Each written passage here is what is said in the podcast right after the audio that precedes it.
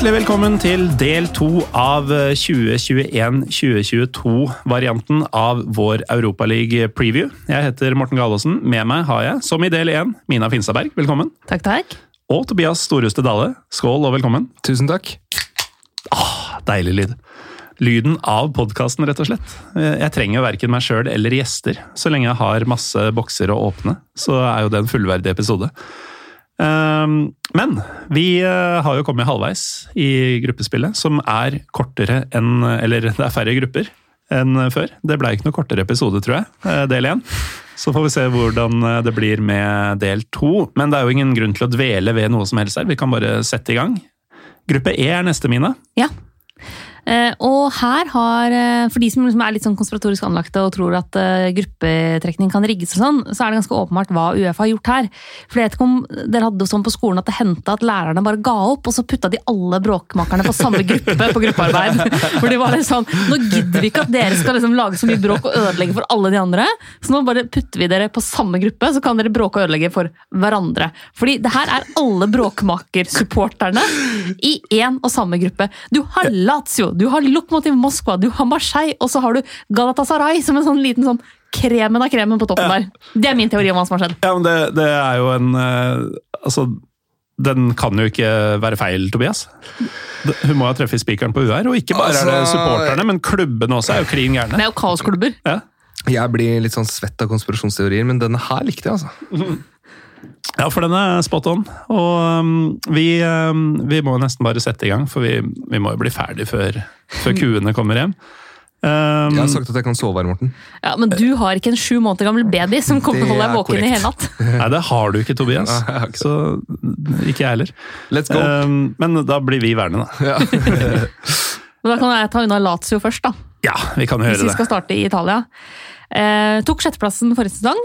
Har vi da fått inn Sarri som trener.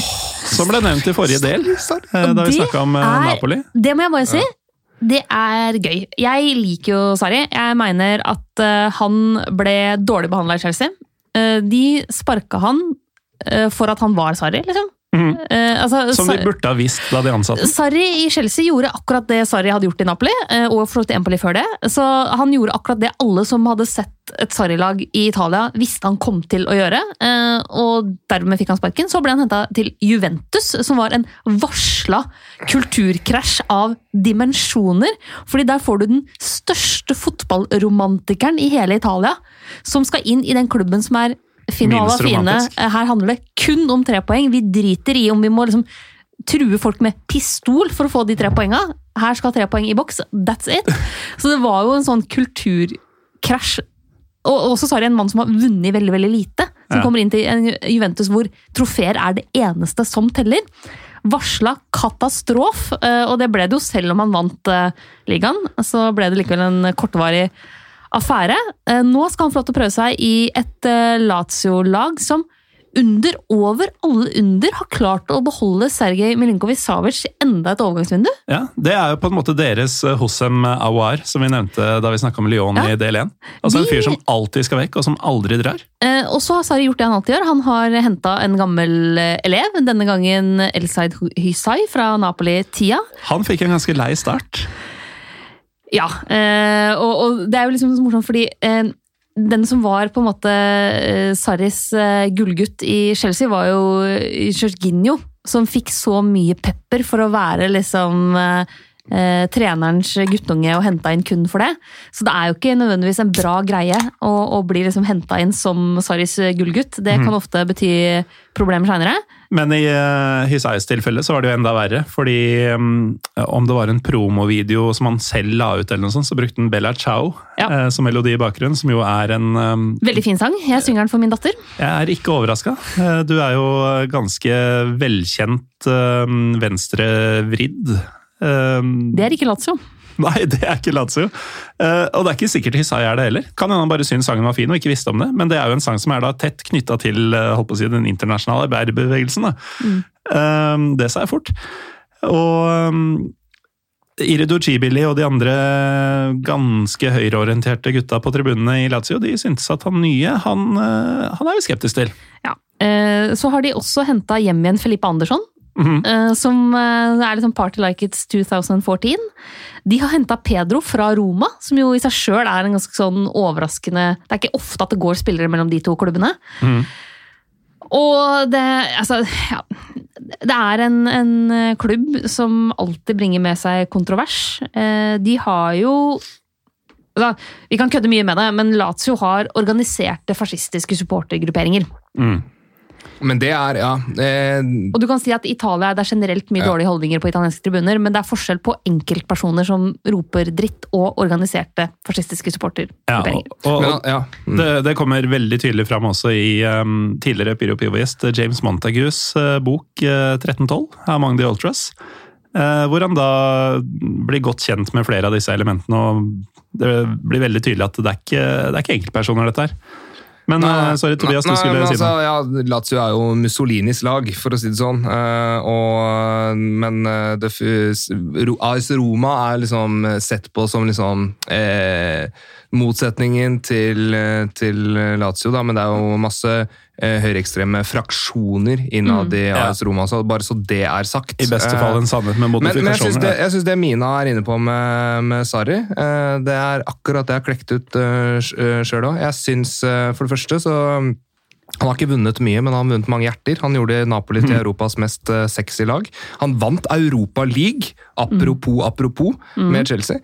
Og så vant han Serie A med Juventus før de kollapset totalt. Så kan det jo ha vært andre ting der. Og så er det også noe med dette her at eh, en, en ekstremt dårlig treneransettelse av Juventus med tanke på hva slags filosofi den klubben har. Du skal ansette en trener som passer den filosofien klubben har. Det. Klubbens filosofi kommer først, og så ansetter hun pass, eh, trener som passer til det. Så det var en dårlig ansettelse, rett og slett. Uh, Maurizio Sarri er en trener som jeg ville ha tro på, nesten uansett hvilken klubb han uh, uh, hadde kommet til. Jeg har kjempetro på Lazio, mye pga. Maurizio Sarri. De har riktignok ikke satset kjempetungt på overgangsvinduet, men Maurizio Sarri fikk eh, Gonzalo Higuain, eller om det var Gonzalo Higuain som fikk seg selv til å gjøre det. det de eh, lærde strides, men Higuain skåret i hvert fall 36 mål. Nå har han eh, Siro Immobile. Det som er det som jeg er usikker på, er eh, akkurat eh, dette med Han hadde jo Jorginho i eh, Napoli. Mm. Eh, nå har han Lucas Leiva. Der, Er ikke helt det samme. Han kommer neppe til å gjøre den samme reisen som eh, Jorginho har gjort. Eh, så, så jeg tror nok Du mener det Lucas Leiva ikke Ballon d'Or-kandidat? Eh, Jeg vil nok hevde det, og det tror jeg nok er ankepunktet i dette Lazio-laget. Hvis du bare ser på altså, Ankerpunktet. han, han, Ankerpunktet, fin eh, Morten. De mangler en sekser, og- den, den ankerhånden er jo så ekstremt viktig i eh, Saris eh, system. Mm. Jeg tror derimot at Luis Alberto blir nøkkelspiller. Jeg tror Milinkovic Savic blir en- ja, Ja. ja. altså, ikke sant? Ikke Det sant? kan bli dynamitt. Vi, vi følger hverandre her, eh, Mina. Dette her er jo, jeg må bare si det da, jeg og Mina diskuterte jo Sarri ja, Var den i Chelsea da, eller Juventus? Mm. Men vi var i hvert fall sammen. Jo, det var i Chelsea. Det var denne, denne Jorginho eh, Engolo Canté-bruken som vi diskuterte, hvor vi tok eh, Sarri litt i forsvar. da. Eh, så Ja, nei, jeg, det, det jeg virkelig savner her sånn, Hvis Lazio og Det var vi for så vidt inne på i forrige episode, at dette, er jo en, dette er en trend nå, dessverre. At det egentlig bare er PSG og Premier League-klubber som har penger og bruker penger. Men hvis Lazio får eh, punga ut for en eh, sekser der på den midtbanen, så tror jeg Lazio kan eh, spille i enda bedre europeiske klubbturneringer etter hvert. Problemet er jo at de må vente til gruppespill er over før de får gjort det. Mm. Men øh, altså, vi har snakka litt om trenersigneringer og Sarri. Vi, vi var jo inne på det motsatte på en måte da vi snakka om Napoli i del én, øh, da de erstatta Sarri med Gattuso. Her har de jo i mange år hatt øh, Simone Mm. Mm. Veldig pragmatisk trener. og så går til Sarri. Eh, Ja. Det er litt sånn, litt sånn samme grep, men omvendt? Eller? Ja, for altså, Insagi er en, en, ja, en, en pragmatiker. Uh, I mye, mye større grad enn Sarri. Sarri har jo en veldig tydelig måte han mener fotball bør spilles på. Mm. Eh, I mye større grad enn Inzaghi, eh, som nok passer bedre til flere av storklubbene som er mer pragmatisk anlagte. Men jeg har litt trua på, på Sarri i dette landslaget her. Jeg tror det kan bli morsomt å se på. Mm. Eh, og så tror jeg de kommer til å svinge voldsomt. Jeg tror dette her er et lag som kommer til å variere mellom å være terningkast 2 og terningkast 6. Ja, det, og det, er- det handler også litt om kvaliteten på, eh, på spillerne, tror jeg. Da. Men du må også se på hva slags typer de har i eh, stallen. Milinkovic Savic er ikke nødvendigvis en sånn typisk Sarri-spiller. Men det er helt klart at han kan få en viktig funksjon i, i den, måten å spille på hvis eh, Luis Alberto får en veldig definert eh, rolle. Og så har du Pedro, som er eh, født inn i Sarris system, og Filippe Andersson, som tilfører noe litt annet. Så Nei, jeg, jeg har tror jeg, Men jeg tror, jeg tror det kommer til å ta litt tid. Men får Sarri tid, så spiller Lazio i Champions League i løpet av to-tre sesonger. Mm. Spennende. Spennende. Eh, kanskje ikke like spennende hvis vi drar til eh, Russland og snakker om eh, Lokomotiv Moskva. Det er jernbanens lag fra gammelt av, derav Lokomotiv. Korrekt. Eh, et lokomotivlag jeg ikke har sett live, i motsetning til eh, Lokomotiv Plovdiv i Bulgaria. det er sjukt. Det finnes lokomotivlag overalt. Eh, Ja, det er eh, altså Russisk fotball og bulgarsk fotball har jo tatt det bokstavelig, dette med at eh, fotballen vår trenger et lokomotiv. Men um, det er ikke nødvendigvis sånn det funker, da. Um, dette er jo da et lag som det er ikke, Jeg er vel ikke aleine om å slite med å skille disse Moskva-lagene fra hverandre sportslig. Altså Jeg skjønner hvilket lag som tilhørte Jernbaneverket og hvem som var eh, hæren og sånn, men det går meg litt sånn hus forbi noen ganger om det er Spartak eller CSKA eller Lokomotiv eller Dynamo som er best, og nest best og tredje best og fjerde best. Eh, I den russiske ligaen så var jo Lokomotiv tredje best i fjor. Ja. uh, og det er jo ganske bra. Ja. Uh, og så, for å underbygge dette poenget mitt med bråkebøttegruppa, så gjorde jo altså, Lokomotiv Moskvas supportere, Ultras hooligans, har jo gjort seg bemerka annet ved å herje i Frankrike i 2016. Eh, hvis man husker de her bildene av engelskmenn som fikk grisehjuling av russiske supportere, så var det med sterke innslag av eh, Lokomotiv eh, Moskva-supporterne. Eh, Så de har gjort seg bemerka der. De har jo den andre Miranchuk-tvillingen. Eh, Det er jo kanskje Aleksej Miranchuk som har fått mest oppmerksomhet. Han er i Atalanta, fin Ja. spiller. De hadde jo begge Eh, inntil andre dro dit. Ja, men, men Anton Miranchuk er da fortsatt eh, på plass i, i Moskva. Må være litt sånn kjipt å være identiske tvillinger, og så ser du at ja, jeg er en ålreit fotballspiller, men han broren min er jo veldig mye bedre enn meg. Eh, og, og får jo mye bedre muligheter og får spille mer på landslaget. og får gå til, Han får spille Champions League hvis jeg skal spille Europaliga. Eh, men det er han også. Og så har du jo Fjodor Smolov, Ja, og, som er tilbake i Russland igjen. ja, for han dro jo faktisk, han, som en av få russere. Ja, og så har han jo trøbla det til eh, litt for seg i Spania, blant annet. Han var slash er, jeg har ikke helt klart, og dette brukte jeg eh, faktisk en times tid på her om kvelden, på å finne ut om han fortsatt er forlova med eh, barnebarnet til Boris Jeltsin. Eh, fordi det var han i vår, altså fjor vår, fordi da brøt han koronareglene for å reise til 18-årsdagen hennes. Eh, For å si sånn, Smålov er på min alder. Eh, Så han bør jo utgangspunktet helst ikke være forlova med en 18-åring, men han var i hvert fall da forlova med eh, den 18 år gamle dattera til, nei, datterdattera til Boris Jeltsin. Spilte i Celta Vigo, brøt koronareglene ved å reise hjem for å feire 18-årsdagen hennes. Det ble dårlig stemning i Spania da, så nå er han tilbake i Russland. Men altså, Fjodor eh, Smolov hadde jo, han, han burde jo aldri vært i Celta Vigo. Han burde jo spilt for Hetaffe eller noe sånt. ting. Eh, men nei, altså, bare for å ta det sportslig litt, da. Vi gikk fra Sarri. Kan godt, eh, altså, eh, Lokomotiv Moskva eh, er jo omtalt som Russlands Chelsea, og med da henvisning til José Mourinho. Det er jo et lag som skårer lite mål. Nå har Nikolic eh, tatt over. da. Han hadde forrige sesong som sin første. Men før det så har det jo vært eh, Lokomotiv Moskva-legenden Juri Semin, som har vært hovedtrener.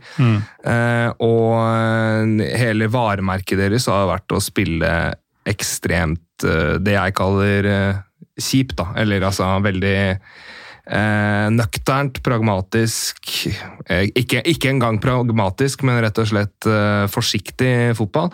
Og det har, den spillestilen har faktisk gitt dem deres beste perioder i klubbhistorien. eh, Og har nå da, som du nevnte, Morten, gjort det bra. Hatt en, eh, fikk førsteplass i 2018, andre i 1920 og tredjeplass i fjor. Og så syns jeg at eh, i, på det, hvis vi ser på spillestallen til eh, Lokomotiv Moskva, så er det sentrallinja som skiller seg ut der. Du har Mm. brasilianske Pablo, Tinjedvaj fra Kroatia stopper, blant stopperne, Barinov eh, på midtbanen, også Smolov og Francois Camano. Eller Francois, er det det han heter? Ja, det er Francois Camano han heter. Ja, og så har du Guillerme Bakers, som jo er eh, Ja, den ikke russisk-klingende minst. landslagskeeperen til Russland. Riktig. Um, ja da, så det er, jo, det er jo et solid lag, dette her, i hvert fall i russisk eh, målestokk. Og så Ja. er det jo alltid vanskelig å eh, sette dem opp mot lag vi kjenner bedre fra mer kjente ligaer. Men det er jo en fordel at et lag på dette nivået at det er soliditet de bringer inn Mm. i turneringen. For det betyr jo faktisk at de kan velte noen eh, kanoner. Ja, og det trenger de i denne gruppa her, fordi de tre andre er jo tross alt altså Man kan si mye om både Marseille, Lazio og Galatasaray, men det er ikke soliditet som er det første ordet jeg eh, tenker på, i hvert fall. Og altså, hvis vi skal ta Marseille, da. Eh, apropos kaossupportere, så har jo de eh, i løpet av året nå hatt en situasjon hvor supporterne har storma treningsfeltet nå i vinter. Eh, og gått til angrep på spillerne. Eh, med å hatt med seg fyrverkeri og røykbomber. Eh, og stjålet masse greier. Og det var jo snakk om at det var liksom 100 av dem som bare storma inn der.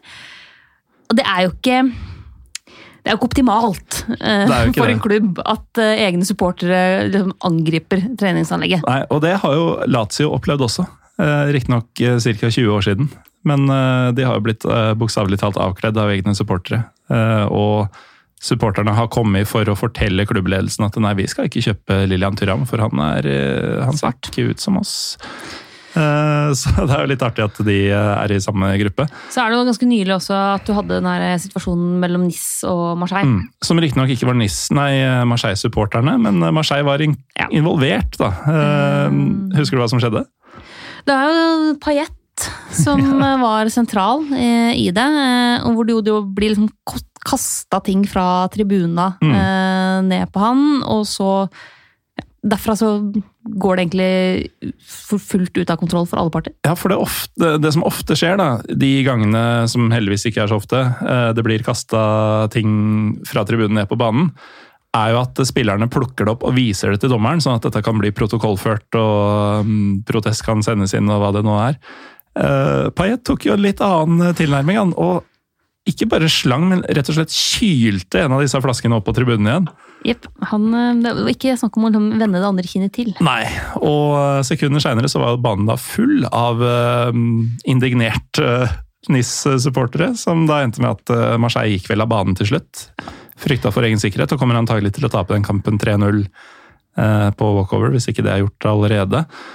Um, det er tilstander i denne gruppa her, altså. Og Marseille har jo også henta alle mulige spillere som har ikke funka helt i andre klubber. i Mm. løpet av overgangsvinduet her. De Ja, har er de jo henta Milik fra Napoli. Mm. Som jeg trodde kom til å bli dritbra før han begynte å få skader, eh, som gjorde at han var ute ganske lenge. Eh, De har jo lånt Matheo Matteo Guendouzi fra Arsenal. Mm Eh, De har lånt eh, Cengiz Under. De har lånt Amin Harit, Eh, De har lånt William Saliba. og sånn kan Eh, vi fortsette. De har fortsatt eh, Dimitri Payet. De har henta Conrad de la Fuente fra Barcelona. Eh, så det er liksom det er, eh, Her er laget hvor alle skal få en sjanse. Jeg kan fortelle en fun fact om eh, det eh, De La Fuente-kjøpet. og det er at eh, Barca Jeg er jo tilhenger av at eh, når man selger unge spillere, så stikker man seg en videresalgsklausul. Og så vet jo alle at Barcelona har vært litt eh, ja, styrt eh, klubben som en full sjømann med tanke på overganger og, og alt mulig annet, men Vi lever nå i en verden hvor FC Barcelona drives dårligere enn Lillestrøm sportsklubb. Ja, ikke nå, men før, ja. Med Bartomeu-regimet. Men nå har de faktisk sikret seg 50% av videresalg på Conrad de la Fuente. Hmm. Så får vi se hvor mye penger det blir til det. Men, men det som jeg tenker på når vi snakker om banestorming og sånne ting altså eh, Marseille er jo eh, altså det er en jævla kul klubb. Eh, det er en multietnisk eh, middelhavsby. Frankrikes nest største. Fantastisk stadion. Eh, Stad Velodrom. Lidenskapelige supportere. Eh, masse, altså Veldig tungt merittert klubb med ti seriemesterskap, ti cupmesterskap og en Champions League-tittel fra 93. Den aller første Champions Den League-tittelen. aller første såkalte Champions League-tittelen. Og så er det også en annen ting som jeg forbinder veldig med Marseille. Og det er veldig, veldig, veldig mange, ofte veldig karismatiske, veldig ofte veldig upopulære presidenter. og, og, og i 2016 så fikk eh, Marseille amerikanske eiere, Frank McCourt. Yeah. Eh, og så er det, ha meg unnskyldt eh, fransken min, jeg har ikke studiepoeng i fransk, i motsetning til de to andre rundt bordet her, men det er Jacques-Henri Eraud som eh, ble ny eh, president. Og det var eh, Altså eh, for det første, Råd er eh, fra Paris. Han er utdannet på Harvard. Veldig visjonær type.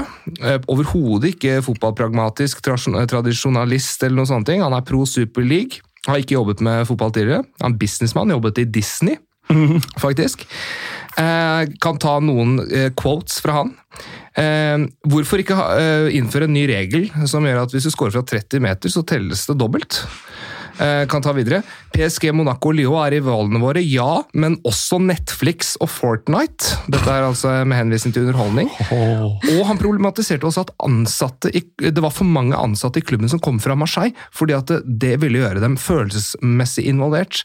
Så helt åpenbart, dette er ikke en fotballperson. Og dette er grunnen til at i februar 2021 så ble det voldelig sammenstøt på eh, La Commanderie, som er da treningsfeltet til eh, Marseille. Eh, ultraene krevde Erods avgang og fikk viljen sin. Disse ultraene har jo hatt enorm makt. Den mest kjente franske, nei, Marseille-presidenten er jo Bernard Tapier. Mm. Eh, Og eh, under hans ledelse så fikk disse ultrasene gjøre omtrent eh, som de ville. Det fikk for så vidt klubben også, sånn som han holdt på. Det var Ja, ja, ja. bestikkelser og Ja, ja, ja. faenskap over en lav sko. Ja, igjen en veldig karismatisk president. Um, men um, det førte altså til at Erod er nå mer sånn rådgiver, og så har da sportsdirektøren Pablo Longoria gått inn, og her har du den rake motsetningen til råd. Han er antageligvis like egenrådig og karismatisk, men hør nå, han er 40, født i 86. Oi. Yngste presidenten i Marseille siden 1909. Han er fotballnerd, selverklært Fifa FM-spiller, kommer tilbake til det. Han gjorde analyser for Marcelinho, som er nå trener i Atletic Klubb. Eh, tidligere trener i Valencia Villarreal, ble cupmester med Villarreal i 2019 blant annet. Eh, da eh, Marcelino trente Recreativo de Uelva. Og så har han startet han eh, virket sitt som fotballjournalist, har vært analytiker, har vært speider i bl.a. Newcastle, Recreativo, Atalanta, Sassuolo og Juventus. Og i 2018 så ble han sportsdirektør i Valencia, før han tok over for Andoni Subizarreta som sportsdirektør i Marseille i 2020. Og han snakker seks språk. For en mann! Og hør nå, siste, som er det sjukeste. Han ser sju-åtte kamper hver dag! Så han er, han er en fotballfyr. Men grunnen til at eh, Fordi at uh, André Vias Baas gikk jo av etter denne, disse sammenstøtene på La Commanderie. Eh, men det var også fordi at de kjøpte han Ncham, eller hva han heter. Han Ja. Celti- ja, Uh, mot hans vilje. Så uh, det er tydelig at Longoria er veldig involvert i driften. Men etter at André Vias Boas gikk av, så ansatte han Jorge Sampaoli, og det er Longorias mann. Og Sampaoli, som alle vet, Bielsa light, ballbesittende, intensivt press, offensiv bosa- ø, fotball. Eh, hvordan er det mulig å ikke elske den klubben her? Ja, for spør det jeg. er match det, er så, made det, in er så, heaven. det er så riktig, det må jeg bare si. Det er så fasit at Sa Paoli er trener i Marseille. Ja. Det vil jeg bare si. Det er det eneste det, det er rette. fasit. Ja, jeg, jeg, jeg- jeg liker litt den ideen om at du har han derre Disney-fyren som en sånn derre Ikke sant? For at han, han, han har jo Han Han prøvde å gjort kjøre. Start en drøm i Marseille. han. Han, han, han, han har gjort mye bra. Ja, men hør da, han har gjort mye bra. Eh, men det, det at, liksom, at han er fra Paris og utdanna på Harvard og sånn, jeg syns jo det er litt tynt. ikke sant? Det er, Mm. Kanskje supporterne har litt for mye makt. ikke sant? Så det handler om det, Alt handler om en balanse her. da, At du skal ha han Longoria, som er en fotballkompetent fagmann, eh, til å styre på den ene siden, men så skal du også ha det der, eh, mer kommersielle som du har eh, gjennom eh, råd. Og så har du da en eh, trener som er elskverdig i San Pauli. Det har du.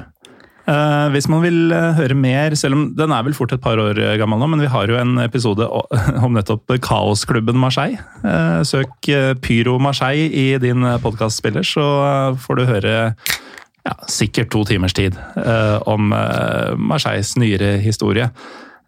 inntil typ 2019, da. Men uh, før vi går videre fra Marseille, så har de jo Steve Mandanda i mål. Han er også kaptein. De har en reservekeeper her, uh, med drakt nummer én. Og jeg utfordrer dere til å prøve å uttale det navnet. For det, altså Simon eller Simon er ganske greit, men det etternavnet er kanskje det verste jeg noensinne har sett. Det, det ser jo ut som Oi, en ordblind barnehagekid har prøvd å taste inn noe. Dette er veldig uvant. Jeg vet ikke eh, hvem eh, altså, Jeg må gå inn på Det er jo. Simon Ngapandoet Numbo, eh, men Å, la, meg, la meg prøve. La meg prøve. Hva Det, det, det er når Kamerun møter. Wales møter Kasakhstan i, i Og såpass, ja! Ja, det er, det er det verste jeg noensinne har sett. Engapandoetnbo. Ja, den er fin. Ja, den er. Her er det noen uh, bokstavkombinasjoner som vi ikke er vant til uh, i Ja. germanske språk. Ja. Uh, det kan jeg trygt si. Språkviter Finstad Berg med Jo, men, men jeg pleier jo ofte å sjekke om jeg kan finne på Wikipedia den fonetiske, fonetiske transkripsjonen av etternavnet til spillere. Mm. Men han her er for ung til at jeg klarte å finne det. så, så han er jo bare 18 år. Ja. Men uh, lykke til til kommentatorene, i tilfelle han får debuten sin i Europa. Ja. Um, Da blir det fort keeperen. Having said that, så har vi da vært gjennom Marseille, Lokomotiv og Lazio. Da står bare uh, Galatasaray igjen. Ja. eh, Eh, ja, vil noen av dere begynne, eller? altså, Jeg liker jo ikke å snakke om Galatasaray i positive ordelag. to spillere jeg er veldig glad i. Mm. Uh, den ene er Omar El Abdelawi, Ja. uh, som jo er litt sånn uh, Han er jo prototypen på kjernekar. Eh, utrolig synd med den der fyrverkeriulykka hans, Mm. eh, som jo har gjort at han har pådratt seg en, en øyeskade. Men, eh, men mitt inntrykk av Omar El er at han er bare en sånn fantastisk fin fyr. På alle måter. Alle folk jeg har snakka med som har møtt han, Ja. har jobba med han, sier at han er verdens nydeligste type. Så vi må må jo bare si god bedring Ja, til Omar. hørt, hørt akkurat det samme, aldri møtt den, men alle sier det. Og det er også det jeg registrerer når jeg leser uh, rapporter fra, fra Tyrkia. At uh, han har uh, fått noenlunde samme, i, samme standing der som han har blant norske fotballfolk. Og det er godt gjort, altså. Så har de jo som vanlig et par spillere som er sånn jøss, er du der? Uh, Arda Toran. Eh, Raja Babel. Sitter ikke du eh, inne nå? Det er André Jedlin. Eh, og ikke minst, altså, det er en sånn overgang som tok meg litt på senga. Da jeg plutselig så at Patrick van Anholt Ja. eh, ble bytta inn. Eh, Dukka opp på en sånn Galatasaray-kamp, så var jeg litt sånn Jøss, har du gått fra Crystal Palace? Det Ja. hadde ikke jeg fått med meg. Og er ikke han mer enn god nok til å fortsatt være i Crystal Palace? holdt jeg på å si? Og Spilte ikke han spilte for, Nederland? For Nederland ja. Så det er jo en sånn Hm, hva gjør du der? Mm. Han er, ja. Og så har de en keeper som jeg har litt sansen for, i Muslera. Enig. Som var veldig bra for Uruguay i VM i 2018. Ja. Eh, han eh, er jo da født rett altså under en, en kamp mellom Argentina og Uruguay. Han er født rett etter at Argentina har, har skåra målet som sender Uruguay ut av VM og Argentina til kvartfinalen i VM 1986. Og det, han, han ble vel født i Argentina? I Argentina. Eh, og han er jo da også oppkalt etter en eh, uruguayansk eh, landslagsspiss. Så han hadde en mor som var som... For det er mora som har styrt hele pakka her. Så mora hans er helt fotballgæren. Og elsker selvfølgelig at han har blitt uruguayansk landslagskeeper. Og han var kjempebra VM 2018. Mm. eh, Og var en av de liksom store, positive overraskelsene i et egentlig veldig bra Uruguay-lag der. Ja. Så han har jeg sansen for. Så Ser at han er vel nå kaptein også. Han har jo vært der i ti års tid nå, han. Ja. Og til og med skåret et mål for dem. Han har, han har blitt en ordentlig klubblegende. og eh, i, uh, jeg har jo, Det har vi kanskje ikke nevnt for lytterne, men jeg har jo sendt ut sånn fellesnotat hvor jeg bare har skribla ned noen sånne mer eller mindre fun facts om forskjellige lag og litt sånn synsing og sånn, sånn at vi har noe å snakke om hvis man skulle uh, komme litt naken. Og jeg har jo dratt en del likheter mellom det Fatih Terim-leda laget til Galatasaray som vant Uefa-cupen i 2000. Mm. Han leder dem jo nå også. Eh, hovedsakelig med tyrkiske spillere den gang. Uh, noen veldig lovende, altså Emre Bellezolo eksempel, var jo uh, i begynnelsen av karrieren den gang. De har et par sånne nå, selv om han ene er på lån, Halil Dervisholo fra Brentford. Kerem Akturkolo en annen. Og de hadde et par rumenere på den tida, det har de også skaffa seg i sommer. I Morud Sand og Chikaldao. Eh, Men en ting jeg ikke skrev, var jo at de hadde jo også en eh, merittert søramerikansk keeper litt opp i åra den gangen, i Claudio Taffarel. Ja, Det er jo Muslera nå. ja. For han har rekke å bli 35. Så det er jo skremmende eh, hvor likt eh, Fatih Terim eh, tenker i 2021 som han tenkte i typ 98-99-2000. Og det er også skremmende at eh, det ser jo ut som en type tropp som han hadde da. Nå skal det sies at Chikaldao ikke er Georgi Haji, og Morutzan er ikke Popescu. Ja. Eh, men Muslera er Tafarel. Og um, ja, verken Akturkolo eller Dervisholo er Emre, for så vidt. Skal jeg fortelle dere noe om Kerem Akturkolo, som skjedde ganske nylig? Veldig gjerne. Han, eh, eller eh, Galatasaray starta serien, jeg tror det var mot Giresunspor. Da blir midtstopper Marcao fra Brasil utvist. Mm. For et voldelig angrep. Slag og dytting og litt forskjellig. Mot en medspiller!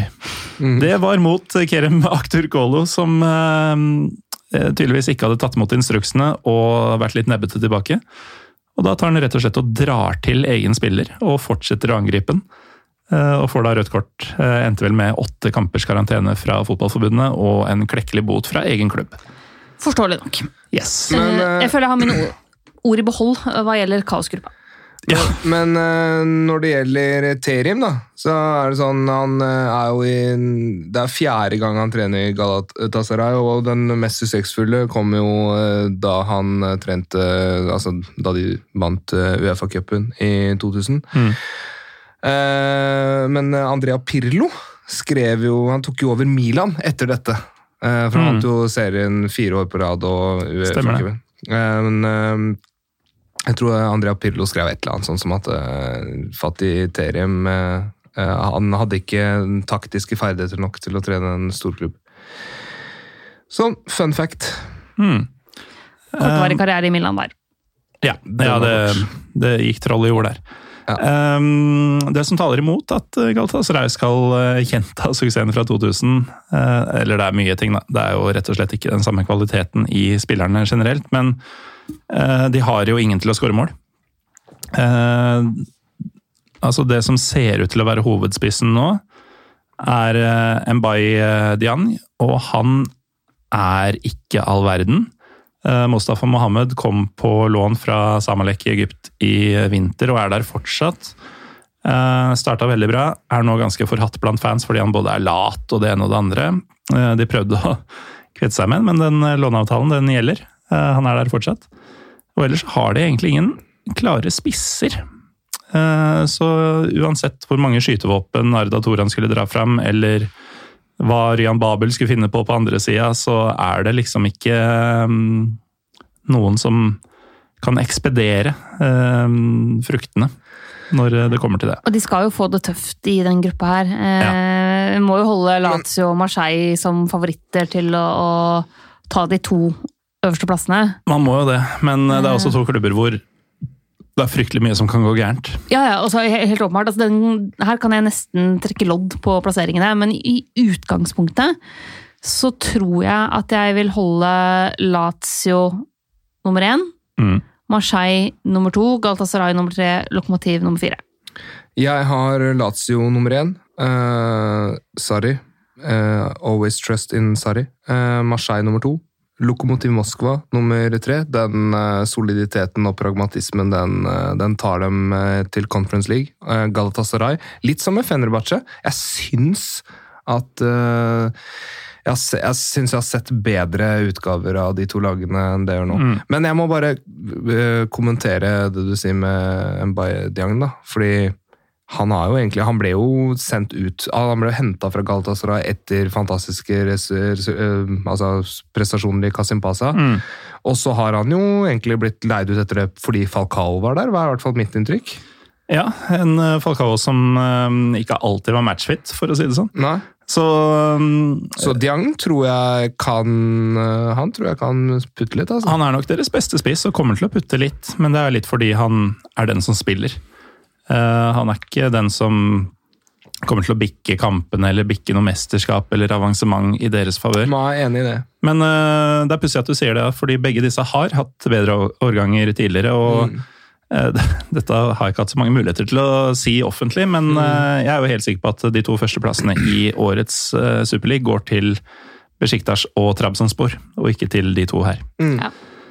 Jeg tror i hvert fall Besjiktas. Jeg tror Besjiktas vinner igjen, ja. Ja, det ser dessverre sånn ut. Mm. Videre til eh, gruppe F. Og gruppe F er jo eh, den mest kanskje Eller den er kanskje den mest klassisk europaligete gruppa. For Og nå er vi i kjernen. Ja, for nå er det ikke lenger eh, tre jævlig gode lag som skal gjøre opp om én plass. Eh, der- derimot så har vi Ludo Goretz, vi har FC Midtjylland, uh, Cervena Zvezda og Sporting Braga. Og eh, ja, siden vi kommer fra kaos, så kanskje vi skal begynne i Serbia, Mina? Ja, Alltid deilig å, å begynne med Røde Stjerne, som vi jo får lov til å si på norsk. da. Ja, det er Eh, helt lov. Apropos lag som vil nyte veldig veldig godt av at det er lov med supportere tilbake på tribuna, -hmm. så tror jeg at eh, Røde Stjerne definitivt er der. Seriemester i Serbia forrige sesong. Har altså henta Aleksandr Dragovic eh, fra eh, ja, eh, Han har jo vært i Leverkosen, vært i Leicester og litt rundt omkring. Eh, men jeg er veldig glad i Aleksandr Dragovic, fordi han er mest kjent for å daske politikere i hodet. Og det syns jeg er veldig, veldig fint. Eh, og det var jo da han var i, i Sveits eh, og feira cupgull, og rett og slett eh, begynte å lekent daske til den sveitsiske politikeren Uli Maur, som på den tida var liksom forsvarsminister i hodet. Dette er en skalla politiker som bare så daska til i hodet. Eh, det ble jo litt kontrovers rundt det i etterkant, eh, hvor hans da forklaring var at jeg gjorde det fordi jeg syntes det virka gøy. Eh, liksom, eh, So I believe that it was very very much fun doing it, var liksom hans forsvar til hvorfor han hadde stått og daska til eh, forsvarsministeren i hodet. Eh, og jeg må bare elske en fyr som tar null sjølkritikk på det. Eh, det skal sies at han visstnok ikke skjønte hvem det var snakk om. Han bare tenkte 'der er en skalla mann', er det ikke gøy om jeg slår han litt i hodet? Eh, men det er eh, en av mange grunner til at jeg er veldig glad i Aleksandr Dragic. Ja, så er det jo litt sånn, holdt på å si, poesi i at en knallhard forsvarer Du kan jo kanskje si det østerrikske landslagets forsvarsminister. Ja, jazze litt med andre forsvarsministre. Ja, altså jeg syns det er veldig gøy, og det bare eh, evner eh, Det vitner om en sånn totalt manglende impulskontroll, tenker jeg. Men det er jo også en eh, altså, det er jo et lag, en klubb, en liga, hva det nå vil, hvor man kan jo tenke sitt om nivået, og man tenker at det ikke er så mye penger til rådighet og sånn, men akkurat i eh, Svesta eller Røde Stjernes tilfelle så er jo penger det minste problemet, for det er jo da det er Gazprom på brystet, og de har vært mye med i både Champions League og andre europacuper over flere år nå. De har vunnet ligaen veldig mange år på rad eh, blitt. Vunnet eh, ligaen fire år på rad, Mm. som de for øvrig aldri noensinne har gjort tidligere. Og vi vet jo hva slags uh, utgaver fra Røde Stjerne eller Kirmenas Mm. Som har vært tidligere. da. Det sier jo litt om eh, hvordan den jugoslaviske ligaen var, eh, sånn nivåmessig. Eh, Men det sier også Han var bedre før, men det er helt åpenbart at f.eks. for eksempel altså, Dragovic, da, det er jo Mm. sånn Helt ærlig, han er en bedre spiller som er bedre. Eh, han, han er for god for den serbiske ligaen. Ja, det er det. det kan vi være enige om. Og han, han går litt i sånn Marco Marins eh, Mm. fotspor også. Ja, for dette er en kruttsterk signering, og Ja. Marco Marin og gratis, for øvrig. ja, og Marin var jo litt sånn eh, Jeg er ikke helt ferdig, men jeg har mislykkes et par steder nå, hva gjør jeg neste? Så valgte han å ta den Dragovic har jo vært en viktig spiller for klubbene sine eh, de siste årene. Eh, senest i, eh, i Leverkosen, vel. Viktigst når eh, det skal daskes eh, hodet på politikere, men viktig på banen òg. Han er midtstopper som ble 30 i, eh, i våres. Vi skal huske på det at Dragovic eh, spilte, så vidt jeg husker, alle kampene til Østerrike under EM. Det er mulig Ja, jeg tar feil, altså, men jeg, jeg er ganske sikker på det. Han er en prime eh, Altså, han, ha, han har eh, aldri vært bedre enn de Ja. siste par åra, eller viktigere, eller på et bedre sted i karrieren. Og så drar han til Svesta. Og det sier jo antagelig to, kanskje én, muligens flere ting, men eh, det sier at Svesta har penger. Mm. Og eh, han er jo østerriker, han er født i Wien, men han er nok av serbisk avstamning, og Ja. mest sannsynlig så er dette en liten sånn guttedrøm. Ja. Og der, Eh, Litt sånn som Mesut Özil for øvrig, det nevnte vi ikke i um, forrige del. Men uh, han har vært Fenerbahçe-fan siden barndommen. Og, og, ikke sant? Og, og det er også sånn der, hvis du hører um, han svensken, han eh, Bojan uh, Djordjic. Bojan Djordjic, ikke sant? som har spilt for, for klubben. Og, altså, det, det er klart at de har veldig sånn roots til det laget. Du har Milan Bo Borjan, kanadisk landslagsspiller, som spiller der. Kaptein og hele pakka. Eh, Milos Degenek, som er fra Australia. Ingen av disse har bodd i Serbia mm. før de kom til Røde Stjerne. Så Røde Stjerne har jo en enorm Det er jo en standing. kultklubb. Eh, Ja, og, og det må jeg jo si altså, og en kan- tradisjonsrik klubb som har vunnet Ja, I mye. Serbia er det ikke en kultklubb, der er de en altså, Gigant. De er Rosenborg ganger 18. Ja, og, og så kan du si mye om Røde Stjernes uh, historie. Altså, de har jo en, en ganske brokete historie, annet fra, fra borgerkrigen på Balkan. Mm. Uh, hvor jo supporterne ble brukt som paramilitære grupper. Uh, men jeg skjønner jo at hvis, du, hvis det er én gjeng supportere du har lyst til å spille foran, så skjønner jeg at liksom, Røde Stjerne har en tiltrekningskraft, da, hvis du har vokst opp med serbisk fotball. Det, det, eh, den heksegryta, der kan vi virkelig snakke om heksegryte. Ja. Ja, altså, Det altså, skjønner jeg at det er fristende, og det, jeg skjønner at det må være en så vanvittig liksom, adrenalinpumpe å få lov til å gå ut på stadion der, Mm. spille foran den gjengen. Har dere sett på YouTube? Det er en video av at man går gjennom den tunnelen fra garderoben. Den er så Vi, lang, vi gjorde det og den er så skummel. Dette gjorde vi Og- i Champions League-studio for et par år siden, da jeg satt der. Eh, da vi hadde en Rød Stjernekamp. Mm. Så hadde, viste vi det filmklippet med bare full lyd skrudd opp. Ja. eh, og på, på fullt trøkk, liksom, for da hadde vi fått noen til å filme det sånn ordentlig som om man gikk gjennom det. Og det er den, det lydnivået, det trøkket, Mm. er helt vanvittig. Ja, det er, det er helt uh, vanvittig. Og um, altså, det er jo øhm, Jeg nevnte jo Mitropa Cup i uh, forrige runde, eh, etter hvert, eller i forrige del. Um, etter hvert som de utvida litt, så ble det jo også lag fra Jugoslavia med. Uh, så det dekker jo også det. Men sportslig så er det jo en gruppe som det er litt vanskelig å skille Clinton fra veten her. Men, Røde Stjerne skal jo være favoritter til å i hvert fall ta andreplassen. Ja, jeg skulle til å si det. Jeg var litt redd du skulle si førsteplassen her nå, men vi har jo et lag som du skal få si mer om etter hvert, eh, Mina. Men vi husker jo kanskje for et par år siden da de var i Champions League og faktisk slo Liverpool på hjemmebane. Det var ikke Altså, det var et Klopp-leda Liverpool. Ja. Det, det var ikke noe fjas som kom dit, men det er da kraften, da. Når alt klaffer eh, hjemme på Maracana.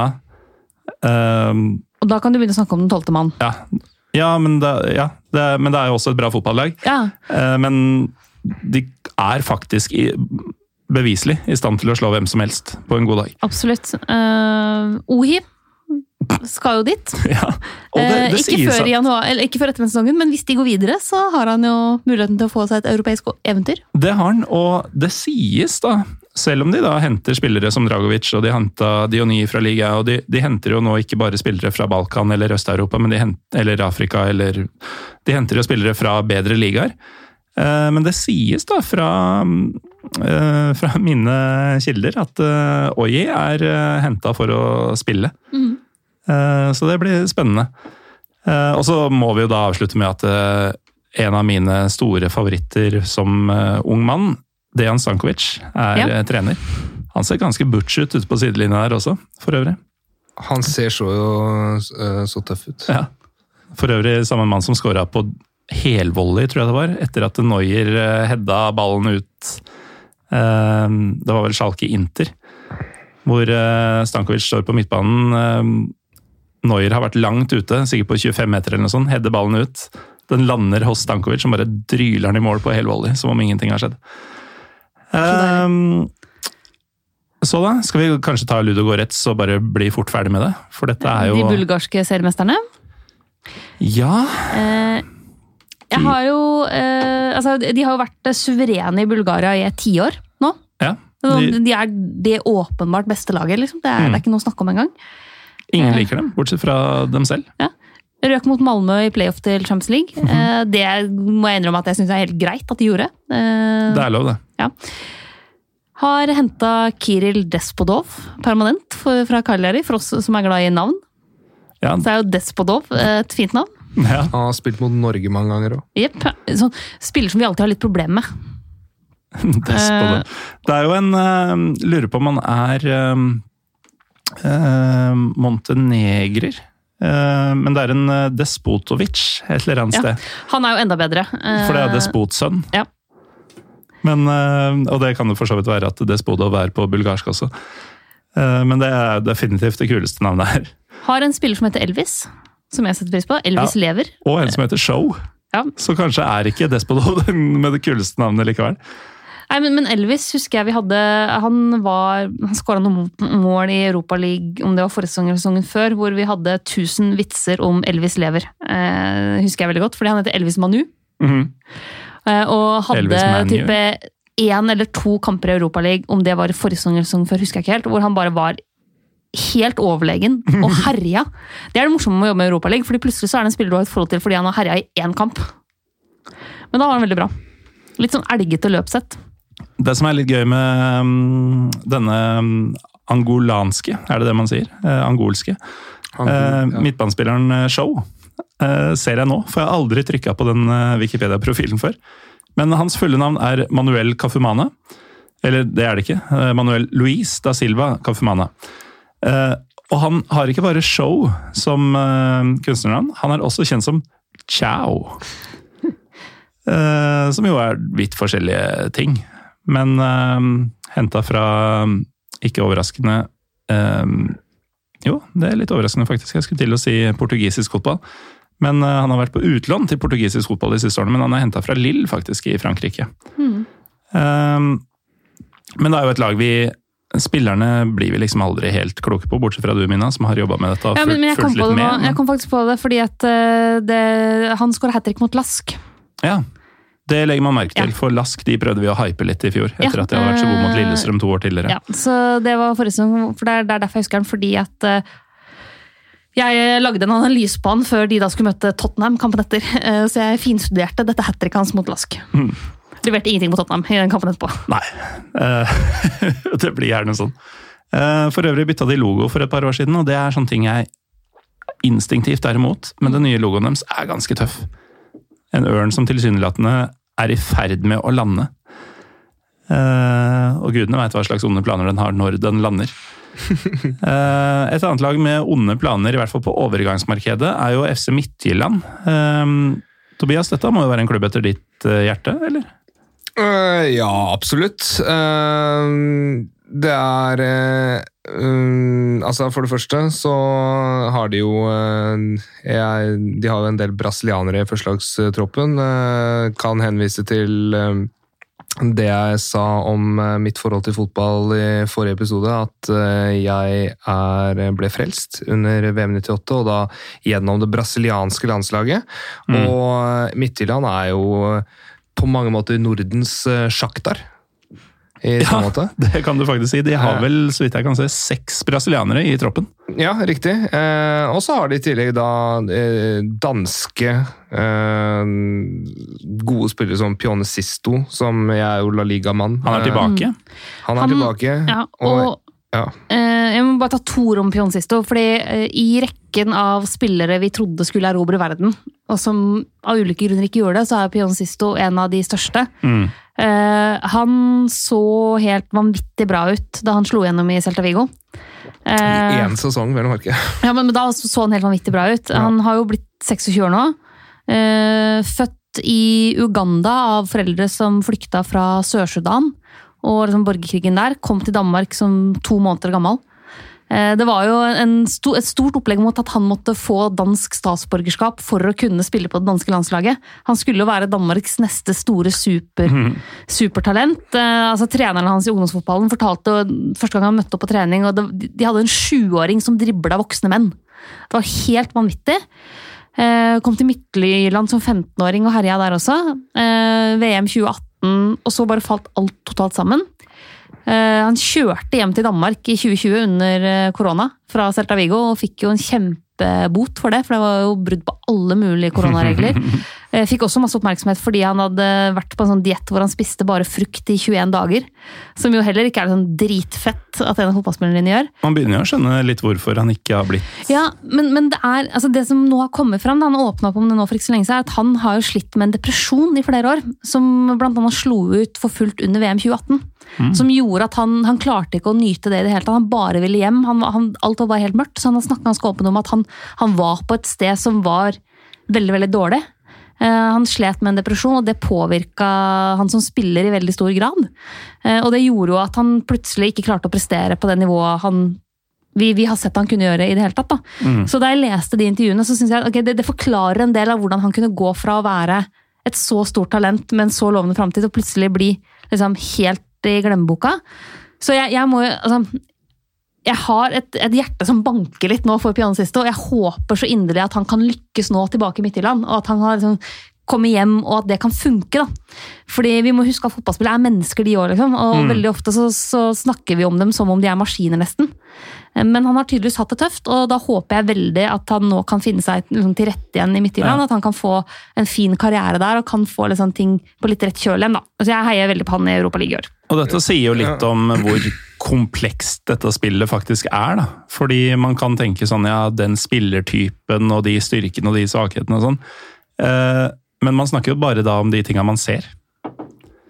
Hadde du um Nei, bare, bare sånn egentlig bare for som uh, forlengelse av uh, det vi um, Altså bare at uh, Det hegemoniet som FCK hadde, det er ganske vanskelig å bryte. mm, Og FC Midtjylland har vunnet tre av de sju siste seriemesterskapene i Danmark på en Altså gjennom en modell, da. Som, eh, som er egentlig bare kjøpe ungt, utvikle, gjøre litt bedre og selge eh, dyrt. Eh, så eh, Det er få klubber som gjør det bedre i hele Europa, vil jeg si. ja, ja, eh, de er, altså det er jo den der Moneyball-greia, da. Mm. Men eh, jeg tror jo eh, jeg tror jo FC Midtjylland har gode muligheter til å ta seg videre fra den gruppa. her. De var jo heldige med trekningen, må sies. Mm. Ja. Dette er egentlig alles, altså Alle i gruppa her har vært heldige med trekninga. Ja, det er det. Uh, men eh, there can be only one. Uh, kanskje to. Men jeg tenker også at toeren her skal få slite mot det som kommer fra Champions League. Ja. Uh, men vi kan jo håpe på da at eh, Eller i hvert fall jeg. At Svesta tar en av de to førsteplassene. Jeg tror du, Mina, kanskje ønsker at eh, Sporting Braga skal ta en av de to førsteplassene? Ja, De sesongene jeg har jobba med Europaligaen, har gjort at jeg har blitt veldig glad i Braga Ja. eh, fra Portugal. Alle snakker om sporting og Porto og liksom de store store klubbene i, i Portugal, men for oss som har jobba med Europaligaen, så har liksom Braga blitt en darling. Mye pga. en eh, godt over 80 år gammel dame som har vært på alle kampene alltid, og som ble en sånn maskot for Europaliga-sendingene våre. Eh, Men Braga er et godt lag. De røk mot Roma i 16-delsfinalen i Europaligaen forrige sesong. Er det fjerde beste laget i Portugal sånn var det forrige sesong, da? Ja, har vært det i årevis, og Ja, de har vært en tilsynelatende for all eh, framtid. fast inventar i, Europaligaen. Har jo en veldig fet stadion som ligger i en sånn fjellside, mm. eh, som er veldig kul. Ja, bokstavelig talt. Altså, Ja. Der det ville vært en kortside, er det i stedet fjell. Ja, Så du bare kikker rett inn i bergveggen. Eh, jeg var inne på tidligere Chelseas leiesoldater som får seg klubber. Eh, Lucas Piasson. Oi! Husker dere hvor god han skulle bli, eller? Ja, for ti år siden. Ja, eh, Han kom jo til Chelsea etter kamp fra mange storklubber i 2012. Hatt tre kamper for dem.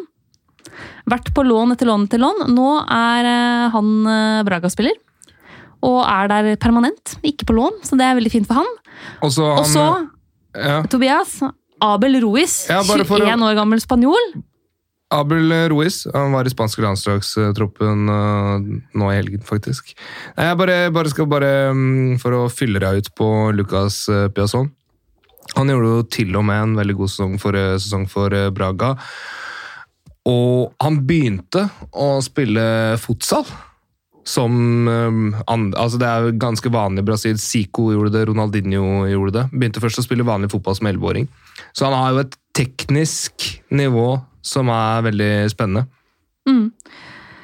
Men ja, eh, vår eh, spanske venn eh, Ruiz, som eh, debuterte for eh, det spanske nødlandslaget da Spania var satt ut av korona før, før EM i sommer og Mm. måtte hente inn liksom, halve U21-landslaget osv. osv. Da fikk han sjansen.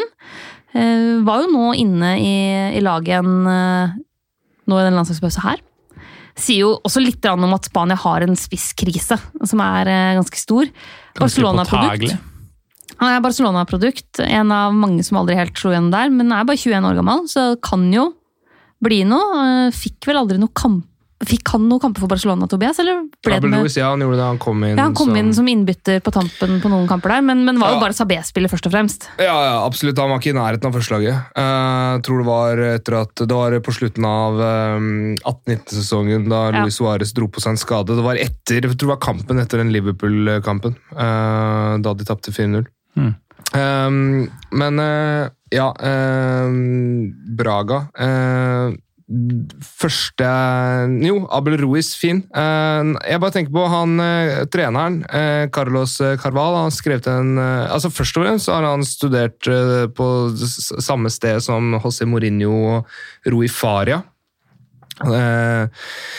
Eh, eh, assistent. Eh, og så har han også skrevet en bok om filosofien sin, da, som er veldig sånn ah, Det treffer meg litt, da. Eh, men han mener at fysisk og taktisk og mental trening følger med trening med ball. At du alltid må trene med ball.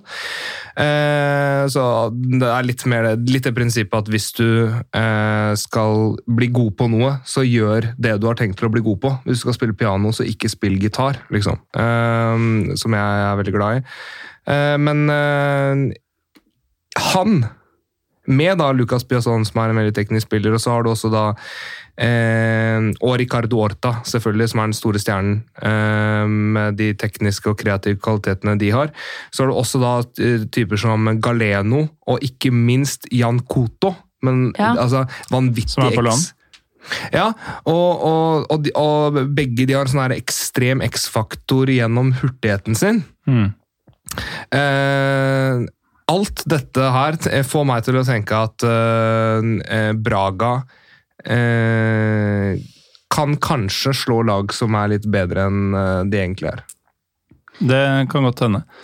Eh, Jeg har jo litt dårlig samvittighet for at jeg prøvde å få dere til å uttale det navnet til reservekeeperen til eh, Marseille i stad. Så jeg tenkte å utfordre meg selv på Bragas nummer åtte. Som eh, heldigvis eh, stort sett går under enten Ali Mosrati eller bare Al Mosrati. Fordi hans fulle navn er følgende. Han spiller ikke fast, så dere som kommenterer dette, som eventuelt hører på, slipper å si det, mest sannsynlig. Al-Muata Sembella Ali Mohammed Al-Mosrati. Det gikk egentlig mye bedre enn jeg forestilte meg. Vet du hvorfor det går mye bedre enn du trodde? Fordi jeg trodde det skulle gå til helvete. Det er fordi du ser kjempemange stavelser, men det er ingen av de stavelsene som er ukjent på norsk. Ja, men, men der er det Bokstavene ja, men bokstavene er i en rekkefølge du er vant til. Eh, stavelsene er liksom de, de går, det bare tar lang tid. Mens det navnet vi hadde i stad, hadde eh, bokstaver i en rekkefølge du ikke er vant til. Ja. Men, men jeg må korrigere deg litt. da. Han er jo Han spiller jo. Han går til å spille mye. Ja, Det kan godt hende, men han har ikke vært fast eh, de, eh, ja, det drøye året han ser ut til å ha vært i klubben. Nei, ok. Og har han Eh, ikke? Men Jeg trodde, nei, For meg har han vært liksom Han er fra Libya. Ja, Eh. Stemmer. Ja, for han, eh, ja, okay. Ja, jeg, det er ikke så ofte vi hører om spillere derfra ja, for Han er liksom den eneste fra Libya som holder høyt internasjonalt. Mm. Er Sønnen til Gaddafi spilte jo, eller var i en italiensk klubb en gang. Det var sikkert Perugia. Perugia. Jeg til å si det. Eh, Birgit men Prins fikk han også kontrakt der. ble vel aldri uh, så mange kamper på. Nei. Men vi tror vel at eh, Braga Eller vi holder vel Braga som favoritter til å vinne gruppa. Ganske klart. eh, Med Røde Stjerne som en god nummer to. Gjerne. Og så skal, tenker jeg Midtjylland tredje, Ludo Gårdets fjerde. Ja. Men det er en sånn Ja. typisk gruppe hvor eh, for det første så må ikke Braga vinne, selv om Nei, nei, vi altså tror det. Midtjylland kan vinne denne gruppa her. Men selv om Braga vinner, så er det litt sånn Alle kan bli nummer to. Helt enig. Jeg tror eh, Braga vinner, men jeg tror Midtjylland tar andreplassen. På tross av eh, alt eh, det trykket som man ser på Maracana eller Rajko Mitic, eller hva du vil kalle det. Men jeg tror Midtjylland tar andreplassen, Kervenas Vesta tredje og Ludogorets fjerde. All right. Da er det videre til gruppe G, og her har vi ja, to lag i hvert fall som ser vesentlig bedre ut enn to andre lag. Det er veldig mye grønt i denne gruppa her. Ja. Men vi kan da begynne med de som ikke er grønne, som også var toppsida, nemlig Bayer Leverkosen. Og en av mine gullgutter, som jeg har så enorme forventninger til at du aner ikke. Eh, Dette er spilleren som gjorde at eh, da de solgte Kai Havertz, tenkte jeg ja ja, Tror du jeg vet Det ordner seg. om, Mina? Og det er Florian Wirtz. Altså, fy flate for en spiller han er. Det er helt ellevilt. Han er jo nå Nå har han jo blitt 18 år. Mm. Men uh, da han, ja, altså han fylte 18 i vår, liksom. Da han fikk de her første kampene som 17-åring det, det var så spinnvilt. Han fikk jo nettopp debuten for det tyske landslaget. Mm. Og én ting er å være 18 år og debutere for Moldova, liksom. Eller for så vidt Norge. Men det å være 18 år og debutere for Tyskland, uansett om det er en kamp som er så som så, det er så vanvittig imponerende. Ja, og det er ikke sånn taktisk debut heller. Det er ikke sånn at Florian Wirtz kunne spilt Kunne for USA valgt, eller nei. eh, Tyrkia. Men, men han har et potensial som er eh, van, helt vanvittig rått. Mm. Han har vel Han har starta Han har kommet som innbytter i to seriekamper i Bundesliga så langt. Det har blitt en scoring og to målgivende. Ja, og han øhm, starter ofte. Altså, jeg så mye Leverkosen i fjor. Han er mer inne på laget enn ute av det, eh, selv om han da var eh, 17. Og han starter fordi han er god nok. Han starter ikke som sånn type 'du er et ungt talent, så vi skal Ja. gi deg litt rom til å vokse'. Han starter fordi han er god nok til å spille i Bundesliga. Men jeg tenker du egentlig oppsummerte Leverkosen som klubb og egentlig som lag. eh, da du sa at ja, da Kai Havertz forsvant ut, så hadde de Florian Wirtz. Ja. For det er jo det Leverkosen driver med. Altså, Bayer Neverkosen. Ja. Det blir aldri trofeer, men det Nei, men blir de- veldig mye fine spillere. de selger jo alle. Ja. Eh, og så har de jo Patrick Schick, ja. som skåra et uh, veldig veldig morsomt mål i EM, og som jo var bra i EM. Uh, og som har funnet seg sjøl litt etter mange sesonger hvor det har gått litt på tverke. Mm. Men endelig nå ser det ut til å liksom finne en klubb hvor han funker og har livet på stell og, og det flyter. Og da er han en veldig veldig god målskårer. Og eh, Patrick eh, Schick kommer jo til å nyte godt av eh, den nye treneren til Bayer Leverkusen, Sewane, Gerardo Sewane. Da han trente Young Boys, som var det beste laget i Sveits, så var faktisk de det laget som slo nest flest langpasninger per eh, 90 minutt. Og det er ganske Det spesielt. trives Schick med. Det trives slik med. Og så har du i tillegg, da, eh, på tross av at de har mistet eh, Demra Gray og Leon Bailey, så har du mye hurtighet i laget. Det, Diaby, Fosumensa, Frimpong, Be Belarbi Belarabi, mener jeg. unnskyld. Eh, Og Diaby, må jeg bare si, eh, måten han har starta sesongen på, er eh, ja, veldig, han, veldig han har tatt store steg. ja, Altså. ja, men han er en kjempebra spiller. Eh, du har flere andre også. Ja, du har Lucas Alario, som jeg også syns er en Han er en helt annen type. Han har absolutt ikke den farta, men eh, en veldig løpssterk spiller som ja, som gjør mye for resten av lagkameratene sine.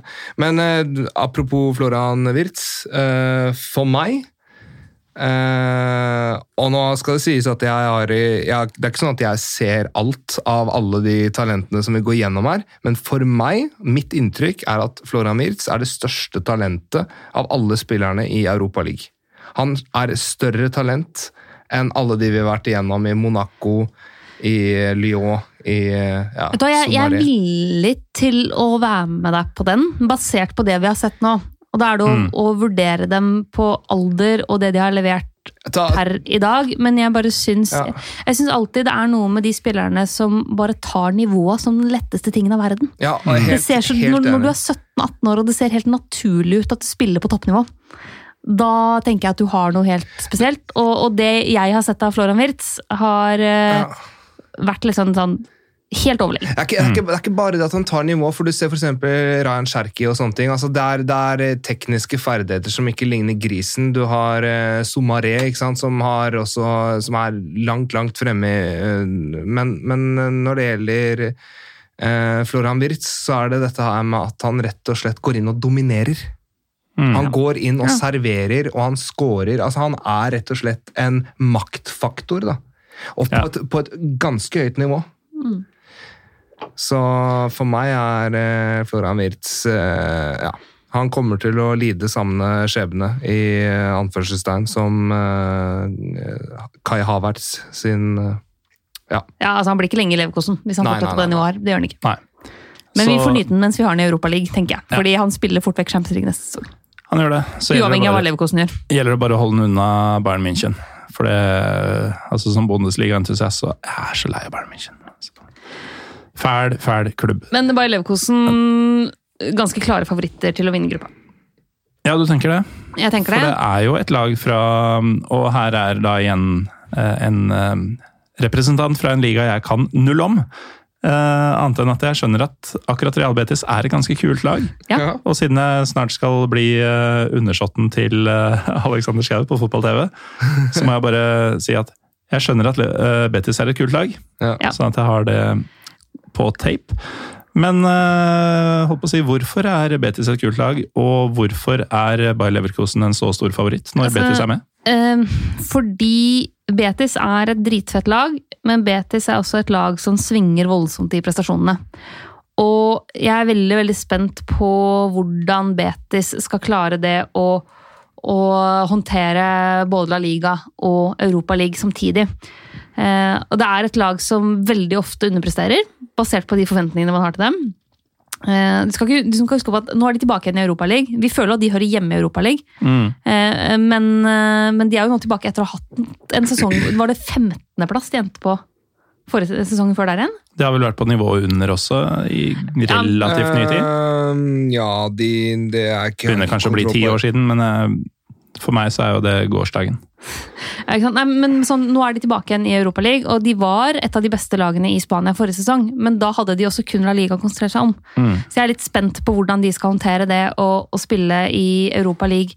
I tillegg, eh, de har et par spillere med enormt høyt toppnivå. Eh, De har jo en trener i Manuel Pellegrini som eh, jeg mener er ganske undervurdert som fotballmann, som trener. Eh, Har vunnet mye, har et veldig godt fotballhue. De har Altså, de har Nabil Fikir, som kan være fantastisk når han har dagen. De har Sergio Canales, som nå er liksom tilbake i spanske landslagsfolden igjen. Som, som har noen tekniske ferdigheter og et blikk som på sitt beste er veldig, veldig bra. Eh, De har selvfølgelig Joaquin, som er den kuleste i verden. eh, Som begynner å bli gammel og er mest på benken nå. Begynner å bli. Eh, Men så har de også f.eks. en høyrebekk i, i Martin Montoya, som jeg mener ikke er god nok for å spille for et lag som er ute i Europa. Som er sånn kjempebegrensa. Det er helt eh, åpenbart Montoya, Montoya. Men, men der har man hentet inn eh, Ektor Beirin. da. Beirin som nok skal inn og spille.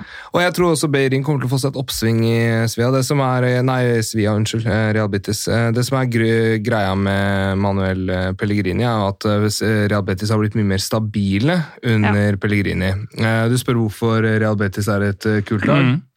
Altså, De har de kuleste supporterne i, eh, i Spania. Ja. Eh, De har en av de feteste stadionene. Jeg snakka om det i stad. eh, Stadion til Sevilla er vakker. Stadion til Betis er intim, er Legit. trøkk, er liksom puste fotball i veggene. Du kan tenke deg når det er El Gran Derby, altså når det er derby mellom eh, Sevilla og, og Real Betis, så er det da 60 000 eh, gærne sevianere i grønt som, eh, som hopper opp og ned. Og så er det også en annen ting da, for dere, hadde jeg nær sagt, eller altså folk som er ja, hva skal man si? Jeg vet ikke hva jeg skal si. Eh, Real Betis er en klubb som er et resultat av eh, motstand til eh, elitistisk arroganse. Mm. De ble oppretta rett og slett gjennom at eh, eh, Sevilla, som ble oppretta av briter, som stort sett alle fotballag i Europa og Sør-Amerika har blitt. Det har vært briter involvert i nesten alle eh, opprettelser. Eh, de jobba i et gruveselskap, eh, og da, da var det en av disse direktørene som nektet en arbeider eh, å spille for klubben, og da brøt de ut av eh, Sevilla FC og oppretta Betis FC i stedet. Så det er på en måte folkets lag, da, på mange måter. Som også er en annen sånn appell. Og så har du jo, etter min mening, da, og der er jeg Jeg vet at nå blir det kjedelig, nå har jeg haussa opp eh, Sarri eh, tidligere, men eh, eh, Kiki Setiens eh, Real Betis, det var eh, Det var noe spesielt, altså. Ja, det var dritfett. Og det var jo også Sist gang de var med i Europaliga-gruppespillet, så var det jo med Uh, Kiki Setien. Da møtte de i hvert fall Milan og Dodelange, husker jeg. Nei, så, Og så har du jo egentlig, hvis vi snakker om spillerne, Sergio Canales. Helt klart en av de beste offensive spillerne til Sevilla. En av to. Nabil Fikir. Jeg hørte her en eller annen sa det syns jeg var veldig godt sagt. Hvis eh, Nabil Fikir hadde spilt mot Real Madrid og Barcelona hver helg, så ville han vunnet Ballon d'Or. Eh, så han er en X-faktor. Han kan jo drible av et hvilket som helst lag hvis han gidder det. Eh, har Dessverre så er det mye rusk i måten han oppfører seg på. Men et, et lag med gode spillere. Og så har du selvfølgelig, som Mina også er inne på, Joaquin Sanchez, som er jeg, altså jeg kan bare si det sånn da, jeg snakker ikke spansk, jeg forstår ikke spansk, men ser jeg en video av Joaquin Sanchez, så ser jeg hele videoen av at han holder på, og jeg blir glad av å se Altså, Joaquin. jeg har jo Joaquin-drakt. Eh, Jeg kjøpte jo Betis-drakt da jeg var i Sevilla med Joaquin på. Han er jo en fyr som plutselig bare legger ut på internett sine sosiale medier en video hvor han går rundt i gatene i Sevilla i høye hæler og kjole. Fordi, hvorfor ikke? Mm. Er ikke det gøy, liksom? Ja. Eh, og han har jo vært med i alle år. Kultfigur. Eh, og så er Betis en klubb som Hvis vi tar liksom de siste sesongene deres, da, så de rykka opp igjen i 2015. Og etter det har de 10.-plass, 15.-plass, 6.-plass, 10.-plass, 15.-plass, 6.-plass. Det er en klubb hvor bølgedalene eh, er dype og toppene veldig, veldig høye. Men kan rundspille Barcelona, Real Madrid og Atletico Madrid når de først liksom får det til å funke. Ja. Så, men jeg er litt spent på hvordan de skal klare å håndtere to turneringer eh, samtidig. Men at det er kvalitet i det laget, er helt åpenbart. Og de er, bo, de de er bohemlaget, da. Ja, Det er pøbler og bohemer og arbeiderklasse og liksom alle de greiene der som du pleier å like. Betis er eh, Pyro Pivos representant i Spania. Det er ikke noe å lure på. Ja, da. All right. Jeg er uh, solgt, men apropos pøbler og, um, og grønt. Uh, Celtic er i denne gruppa. Ja. Og um, ja, de, de er jo alltid med, på en måte. Eh, forskjellen fra tidligere er at de ikke er regjerende mester lenger i Skottland. Eh, og de har heller ikke Christoffer Ayer lenger. Eller Moi. Eller eh, Leonossi. Eller toppskåreren eh, deres de tre siste sesongene, Oddson Edouard, som forsvant på deadline day. Han gjorde det, ja. Eh, Ja, jeg så jo eh, Rangers Celtic, eh, om det blir helga før eller hva det blir. Da var han dårlig, ass. Men, eh, ja, han, var, spilte spilte ordentlig dritt, men han hadde antagelig huet et annet sted. Ja, for, for han, Ja, mulig, er jo en, altså han har jo vært veldig veldig viktig for det Celtic-laget. Mm. Eh, De har Joe Hart i mål, så det er et åpenbart minus. Jo, men Ja. han er jo ikke det han en gang var på noen som helst måte. Nei, han er vel fort eldre enn Joaquin også. Eh, han, Selv om det ikke ikke han er stemmer. faktisk bare to år eldre enn meg. Han er yngre enn deg. Han burde vært gammel, Altså. 34. Han burde vært så gammel. Ja. De har jo ei kjempeskotsk eh, midtbane der, eh, med Callum McGregor sentralt på midten. Landslagsspiller. Ser kjempeung ut! Han ser ut som han, han er liksom nykonfirmert, men eh, ganske sånn kompromissløs type. Også David Turnbull, og også da nå fått inn Ryan Christie. Eh, der også, eh, som for så vidt har starta bra. Men det er, dette er en litt dårligere Celtic-årgang, er mitt inntrykk. Ryan Christie? Ja, han gikk til Bournemouth til Bournemouth på deadline day. Ja, ikke sant, selvfølgelig. Han gjorde det, han. Eh, det visste jeg jo egentlig. Men Men, men, men altså, det som jeg tenker Jeg husker jo Jeg kom veldig sånn i håg den eh, at vi Fordi både Celtic Rangers var også med i forrige års Europaliga-gruppespill. Mm. Og eh, jeg tror jeg fikk spørsmål, for jeg hadde en litt sånn innlegg om eh, hva som Altså Rangers og den økonomiske kollapsen de gikk gjennom. Mm. Eh, det som jeg fikk spørsmål om, var rett og slett om Rangers nå kunne ta Celtic. Hvor jeg da eh, naivt nok svarte nei, jeg tror Celtic tar det. Og grunnen til at jeg trodde at Celtic kom til å ta det, kan jeg bare si her nå, det er at det, det så så ekstremt stabilt ut. Det var så solid.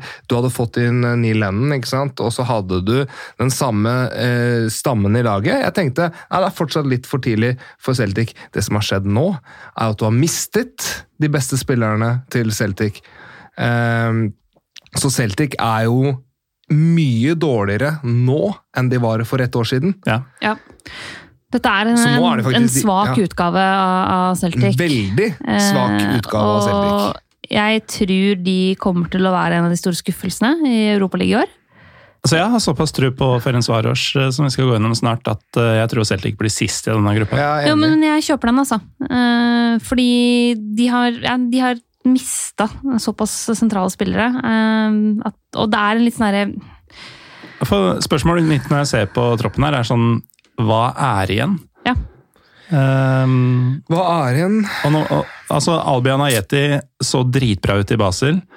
Men det Eh, begynner å bli noen år siden. Ja, Han, han Ja. daua jo da han prøvde seg på et høyere nivå. Han Har ikke klart å hente seg inn Altså, igjen. Men David Turnbull er Albion Ajeti han skåra fem mål på de seks første kampene når han kom til Celtic. Mm. Resten av sesongen skåra han ett mål. Ja. Og han hadde sånn ca. ett mål eh, annenhver kamp i snitt i Basel. Uh, Skårer vel fort null i Westham, tror jeg, og har knapt gjort noe ut av seg siden han starta i, eh, i Celtic. Eh, jeg har forstått det sånn at denne Furuhashi på japaneren, Hvis Kobe. som kom nå, han er det store forventninger til. Han har vel starta veldig bra og så skåra en del mål allerede.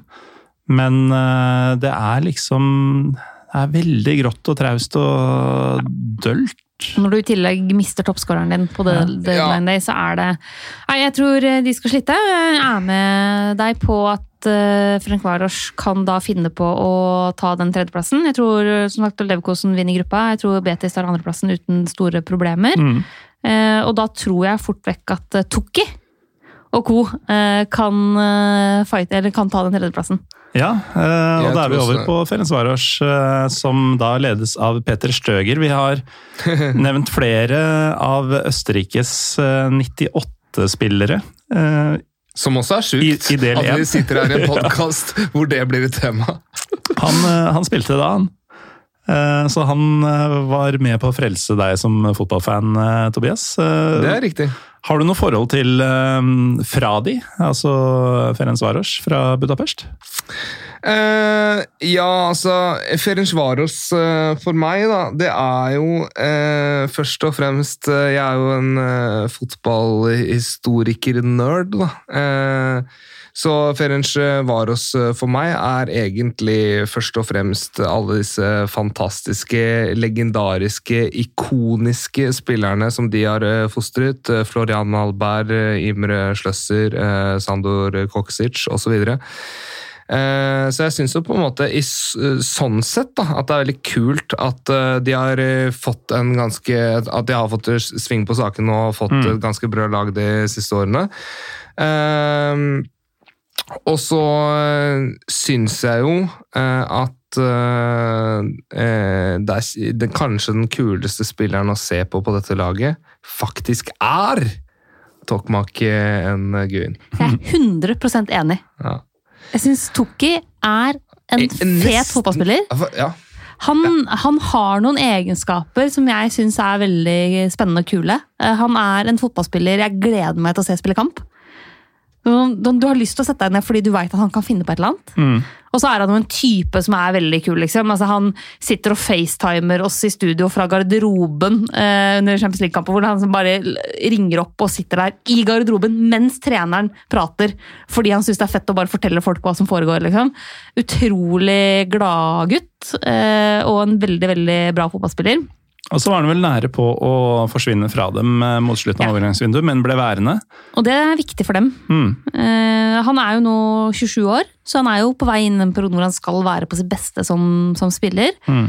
Har jo fått selskap av Kristoffer Sakariassen, uh, og vi må jo si at det er jo en vei fra Nest Sotra eh, til Budapest, til Europa League. Det, det er jo ikke, det er ikke sikkert at han så, Så lenge du spiller i grønne drakter som nest jo, men, men, men, Sotra- men når han drev og spilte i Nest Sotra, Sotra og Sotra der, at han så for seg at han skulle til Sevilla eh, for å spille på Benito Villamarin mot Real Betis, liksom. For å si det sånn, eh, Ness Sotra vant ikke to Mitropa-cuper eh, på Altså i mellomtids... eh, Det var bare fordi de ikke var med. Det var bare fordi de ikke var med. men det må jeg bare, det må jeg bare si, da, at eh, en, jeg syns jo det er eh, litt sånn oppsiktsvekkende at uh, Tokmak ikke spiller for et bedre lag. Jeg tenkte faktisk eh, og det ikke, ikke, for å, ikke for å skryte, eller noe sånt, men da jeg så Jens Petter Hauge for Bodø-Glimt mot Milan, så tenkte jeg umiddelbart Milan kommer til å kjøpe Jens Petter Hauge. Det samme tenkte jeg da eh, Tokmak møtte Dynamo Kiev i fjorårets Champions League. At jeg- Dynamo skulle kjøpe han? ja, jeg tenkte Dynamo Kiev. Det ville vært et bra steg opp også for hans. Eh, Så jeg syns det er litt rart at han spiller fortsatt. Men så er det jo, eh, apropos Nest Sotra og Ferencvar også, alle og Real Betis og Celtic og alle lag med grønne drakter. Men Du eh, glemte um, Panathinaikos. nei, jeg gjorde ikke det. Jeg skulle komme til Panathinaikos nå. Fordi at Omonia Nikosia? Ja, de, de er ikke med HamKam? Ikke de heller. Borsaspor? Verde Bremen? Nei, jeg skal slutte. Ja, nei, for det, det, det som er at uh, Ferencvaros er en sånn uh, trippelallianse sammen med Rapid Wien og Panathinaikos på bakgrunn av at de er grønne. Så jeg Ja. syns det er litt lættis at de nå er i gruppe med to andre grønne lag. Så får vi se hvor vennskapelig det blir, da.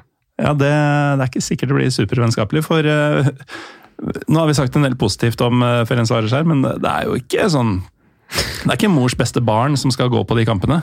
Nei, men eh, altså, jeg har jo brukt ganske mye tid de siste to ukene på ungarsk supportkultur. Eh, Det er jo ikke det triveligste man kan bruke tida si på. Nei. Eh, og jeg havna på noen sånne eh, supporterforumer på noen kjipe folk som, hvor, hvor man skryter av hvem som klarer å være mest rasister på tribunene. Mm. Det er jo eh, tung lesning.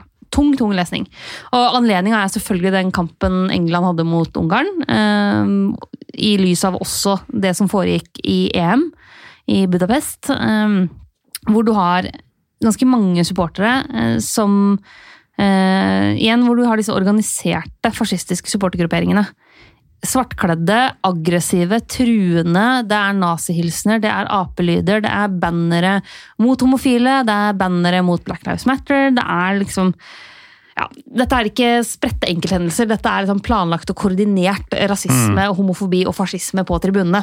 Ja, og så er det jo de spekulasjonene om at dette kommer fra bokstavelig talt øverste hold. Jeg skrev en kommentar om dette eh, etter den England-kampen. som er noe med at altså, Det er jo ikke rart at ungarske fotballsupportere som er i de fascistiske miljøene, eh, ikke ser på det som et problem at de er rasister og homofobe, all den tid de har en statsminister i landet som ikke syns rasisme og homofobi er et problem. Fordi Viktor Orban er jo en fyr som lefler med rasistiske konspirasjonsteorier og er ekstremt langt ut på den fløyen. Eh, Og de har nettopp vedtatt en lov som er eh, homo, en homofob lov. En lov som annet Amnesty har slått ganske kraftig ned på, fordi de mener at den er homofob. Mm. Så det er jo liksom forholda rundt det. Men så skal det sies at en, basert på en del av de rapportene jeg har lest, så er Ferencvaros faktisk blant de bedre stedene våre på kamp. Fordi de har vært så mye ute i Europa. Ja, Så de har måttet skjerpe seg. De har måttet stramme inn, de har måttet ta tak i de utfordringene. Så det er mye mer stuereint å dra på de kampene. Eh, Så der vil du ikke oppleve så mye av det. Men hvis du drar på andre ungarske fotballkamper, så vil, så vil på en måte den type rasisme eh, være liksom normalen. mm. Men fordi Frank Varos har vært ute i Europa, så har de måttet ta grep. Og derfor er det eh, mye mindre av det på de kampene enn ellers. Men det er et kjempeproblem. Og det er jo et problem fordi du har et samfunn hvor disse holdningene gjennomsyrer såpass mye nå pga. den politiske ledelsen du har. Eh, som gjør at liksom, du har en statsminister som heier fram buing på Black Lives Matter-markeringer. liksom. Ikke sant. Eh, så ja. eh, Det var min lille rant. Dette har jeg brukt veldig mye tid på å jobbe med de to siste ukene, og det er altså så bekmørkt å sitte og sette seg inn i de greiene her. Men uavhengig av dette så tenker vi da én Leverkosen, to Real Betis, tre Ferencvaros og fire Celtic. Ja. Er det konsensus for første gang? Ja, faktisk. Jeg er helt enig. All right. Da er det faktisk eh, bare tida av veien igjen. Vi skal til siste gruppe, gruppe H. Hvor faktisk eh, Dinamo Zagreb ser ut til å være førsteside. Det sier jo litt. Um, og da begynner vi vel der. Uh, uslåelige i kroatisk liga som alltid, men det er vel um, de, de er ikke noen CL-klubb lenger. Og begynner vel kanskje å innse det også. Det sier vel sitt når du ryker mot Sheriff Tiraspol i CL-playoff. Ja. Da hører du ikke hjemme i CL lenger. Nei, da er det slutt. Rik- Riktignok gjorde også Kervina Svesta det. Så Sheriff har imponert på veien dit, altså. Det, Ja, Og for øvrig, det er en skurkeklubb av dimensjoner, men det blir en annen podkast. Altså, ja, du- du burde talt. du Den er under planlegging. Du burde jo nesten tatt for deg hele gruppespillet i Champions League også, bare pga. Sheriff eh, Ja. Tiraspol. Jeg tror det heller blir en egen sheriff-episode, faktisk. Men, eh, og den blir helt sheriff. Nei, men, men, men Dynamo, Mange husker kanskje Dynamo uh, for at de slo ut Tottenham i åttedelsfinalen forrige sesong. Mm. Eh, Så røk de mot Villarreal i kvarten, men det er ingen skam å, å ryke mot eh, et Villarreal-lag som tross alt vant hele turneringa. Det er jo ikke det. Eh, de har Arian Ademi, som spilte EM for Nord-Makedonia. Mm -hmm. Jeg ble jo veldig veldig glad i det nordmakedonske landslaget. At de endelig fikk lov til å spille, spille EM. Elskelig gjeng. Ja. Eh, men de har jo Og så har de Mislav Orsic, som uh, skåra hat trick mot Tottenham forrige sesong, som Mm. mange husker fra det. Tottenhams svøpe. Eh, men de har jo mista, eller solgt, da, sine to beste, mest spennende spillere. Eh, De har solgt eh, Lovro Maier til Renn. Mm. Og de har solgt stoppertalentet Josko Guardiol til RB Leipzig. Og det er så synd, når man veit at Josip er et ganske utbredt herrenavn. At ikke Han heter Josip Guardiol. Ja. Ja.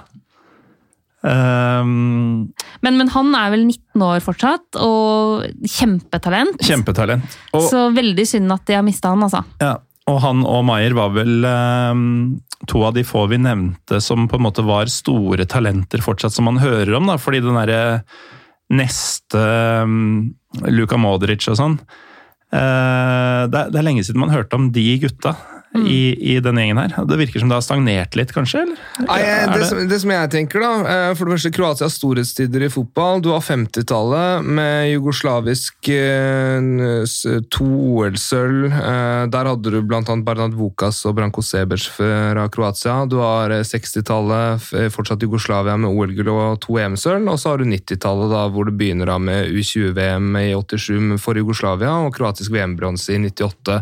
Så har du en ny oppblomstring som kommer liksom inn mot 2010-tallet, der Kroatia tar eh, VM-sølv. Kroatia har fire millioner innbyggere. Eh, og bare nå sist i VM så er de tredje eh, De er den klubben som produserer tredje flest spillere. Det er bare Ajax og Dynamo Kiev som har flere spillere i det mesterskapet som er produsert i akademiene. Dynamo Kiev er der òg? Ja, Dynamo Kiev, Det eh, ja, ja, Dynamo Kiev eh, Det handler om at Ukraina er med, selvfølgelig. At eh, stort sett alt går gjennom. Men, men poenget er jo egentlig bare at du har jo Josko Guardiol, du hadde Dani Olmo før det. Alan Halilovic, som det ikke ble noe av, Ja. men som var en kjempe Han spiller jo Reading nå.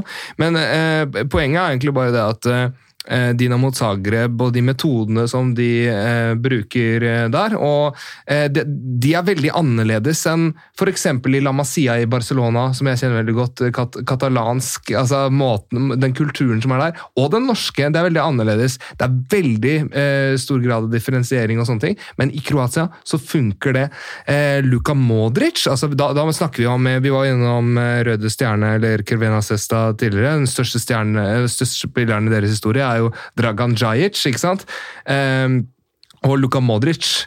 Eh, Bernard Vukas, som er kroater, og eh, Dragan Djajic er jo liksom de største eh, spillerne i jugoslavisk fotballhistorie. Så det er klart at eh, Luka Modric kommer jo ikke annethvert år. Ikke sant?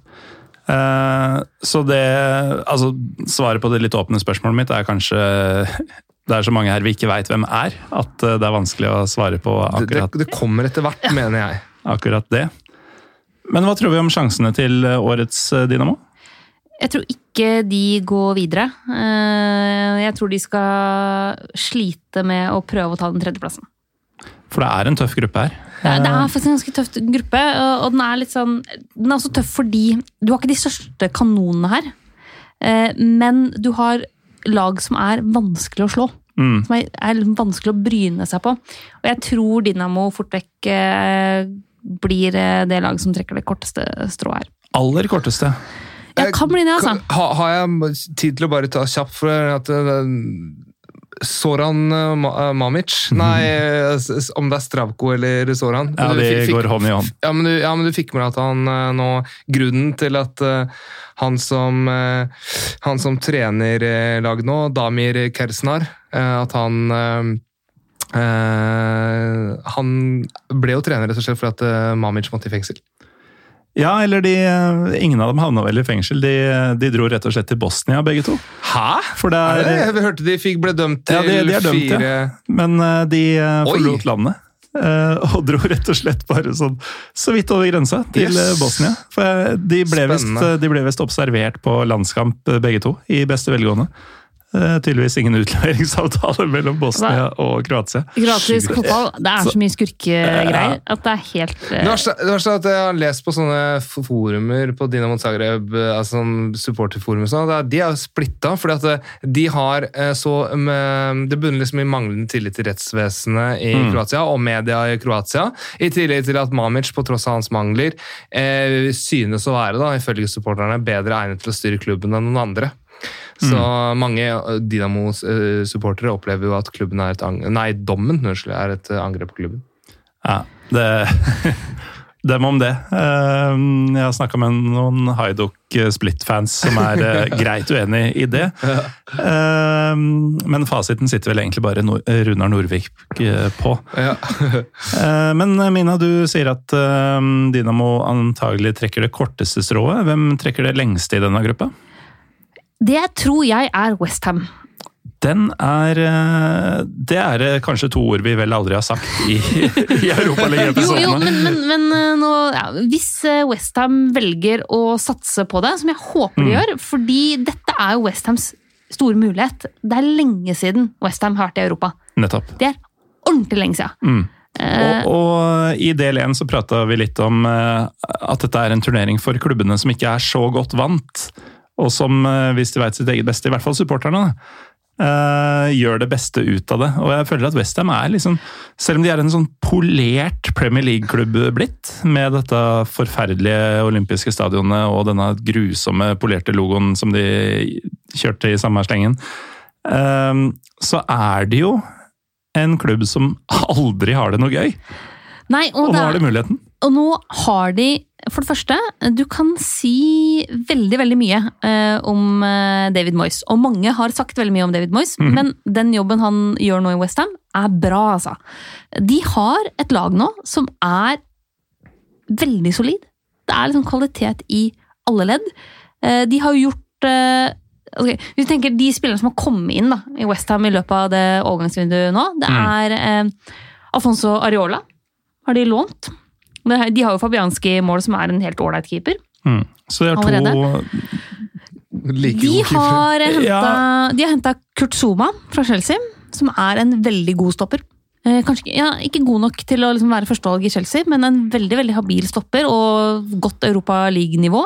Og godt integrert i den franske landslagstroppen. Ja. Altså, det sier jo litt. Eh, De har henta Nikola Vlasic, som er veldig spennende og veldig gøy. Mm. Var Eh, ikke moden for Premier League da han kom til Everton i sin tid, men, Men det eh, begynner å bli noen år siden. Han har vært veldig bra i CSKA. Var den Ja. beste spilleren til CSKA. Eh, og de har henta min gamle Europa League-favoritt Alex Kral. fordi de driver jo og bygger en liten tsjekkisk koloni eh, borti London der. De hadde jo annonseringsvideoen av det, var jo checkmate. Eh, men, men Alex Kral har jo skåra et av mine favorittmål i Europa League. Da han skåra mot Sevilla i Jeg husker ikke om det var 16-dels eller 8-dels eh, for noen år siden. Hvor han, han var den siste som fikk med seg skåringa, fordi ballen bare traff bakhuet hans og ikke i mål på en corner. Og han, folk som, Hvis folk googler Alex Kral, han har masse masse krøller. Han ser ut som en tsjekkisk eh, David Luiz. mm. Så altså, Han bare skjønte ikke at han skåra mål. Helt nydelig, men er også en veldig veldig fin fotballspiller. Eh, er fortsatt forholdsvis ung. Jeg tror han er- 23 nå. Ja, par og 20. Eh, defensiv midt, sentralen midt, eh, kan bekle flere roller eh, der. Eh, har vært eh, kjempegod i Russland. Ja, og altså mye høyere nivå på det han har drevet med i åra før han kom til Westham, enn det øhm, Sorcek hadde, f.eks. Ja, eh, han, men han har vært kjempebra i Spartak, og før det var han en del av et veldig veldig bra Slavia Praha-lag, sammen med blant annet Socek og ikke minst Saufal, som jo også herja på bekken til Tsjekkia i EM, for et Tsjekkia-lag som er ja, bedre enn på lenge. Mm. Så har de Ben Rama, som har vært knallbra. Eh, veldig morsom spiller. Eh, de har Antonio på topp, som er så god når han ikke er skada. Eh, nettopp debutert for det jamaicanske landslaget, det syns jeg er hyggelig. Feira jo at han tok Dicano sin rekord med flest Premier League-mål for Westham med en sånn Dirty Dancing-feiring som ingen egentlig helt skjønte før han prøvde å forklare det. Men han hadde jo da en sånn pappfigur av seg sjøl som han løfta opp som den der klassiske Dirty Dancing-øyeblikket. Men Michael Antonio er jo et fyrverkeri av en fotballspiller. Og en fantastisk god målskårer. Så dette Westham-laget her er ordentlig bra. Og jeg tror at hvis de bestemmer seg for å gå for det Og så har de også Declan Rice, da, som er en klassespiller. Hvis de bestemmer seg for å gå for det, så, så kan de nå ganske langt her, og da kan de vinne denne, denne gruppa her. Hmm. Jeg er øh, rett og slett enig. Hva med deg, Tobias? Ja, de kan nok vinne den gruppa. Jeg er ikke så ekstremt imponert eh, som eh, Eller jeg vet ikke hvor imponert eh, Mina Så jeg sammenligner jo nå Westham med Westham tidligere West sesonger. Ham- Ja, altså, ja, altså, og, og jeg tror jeg vet litt hvorfor du er skeptisk. Det er litt pga. Ja, er- muskelfotballen som ja, ja, absolutt. Det er, altså, kick and run gir ikke meg frysninger på ryggen, liksom. Men Andrej Jarmolenko gir deg frysninger på ryggen. Ja eh, Eller er du for godt vant som nei, mange år år nei, med te- teknisk, teknisk sett så gir han meg frysninger på ryggen. Jeg syns han har litt lite fart, men, eh, men ja. Men, eh, men eh, nei, jeg syns jo altså For det første må det bare nevnes at Westham er den eneste ordentlige debutanten i Europaliga-gruppespillet. Eh, De har blitt Mm. slått ut to ganger tidligere eh, de siste åra, i 16-17 og i 15-16. Og de ble slått ut begge ganger av Astra Giorgio fra Romania. Det er ganske sjukt. Eh, For det, må- for det er en av de Ja. klubbene, en av de mange klubbene i Romania som har hatt sånn typ én god sesong. Mm. Eh, og så har det faktisk skjedd to ganger i det tilfellet her, da. Yes, og uh, po poenget mitt er vel egentlig at uh, det er klart at Westham, da de møtte Astra Giorgio, var de bedre enn Astra Giorgio, men de ga totalt beng Mm. i Europa League.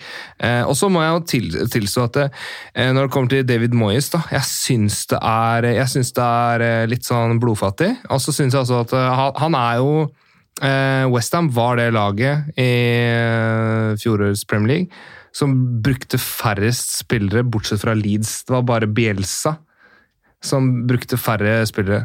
Og jeg tenker sånn, eh, Det blir interessant å se hvordan eh, Moyes eh, tilpasser seg det å konkurrere på flere fronter.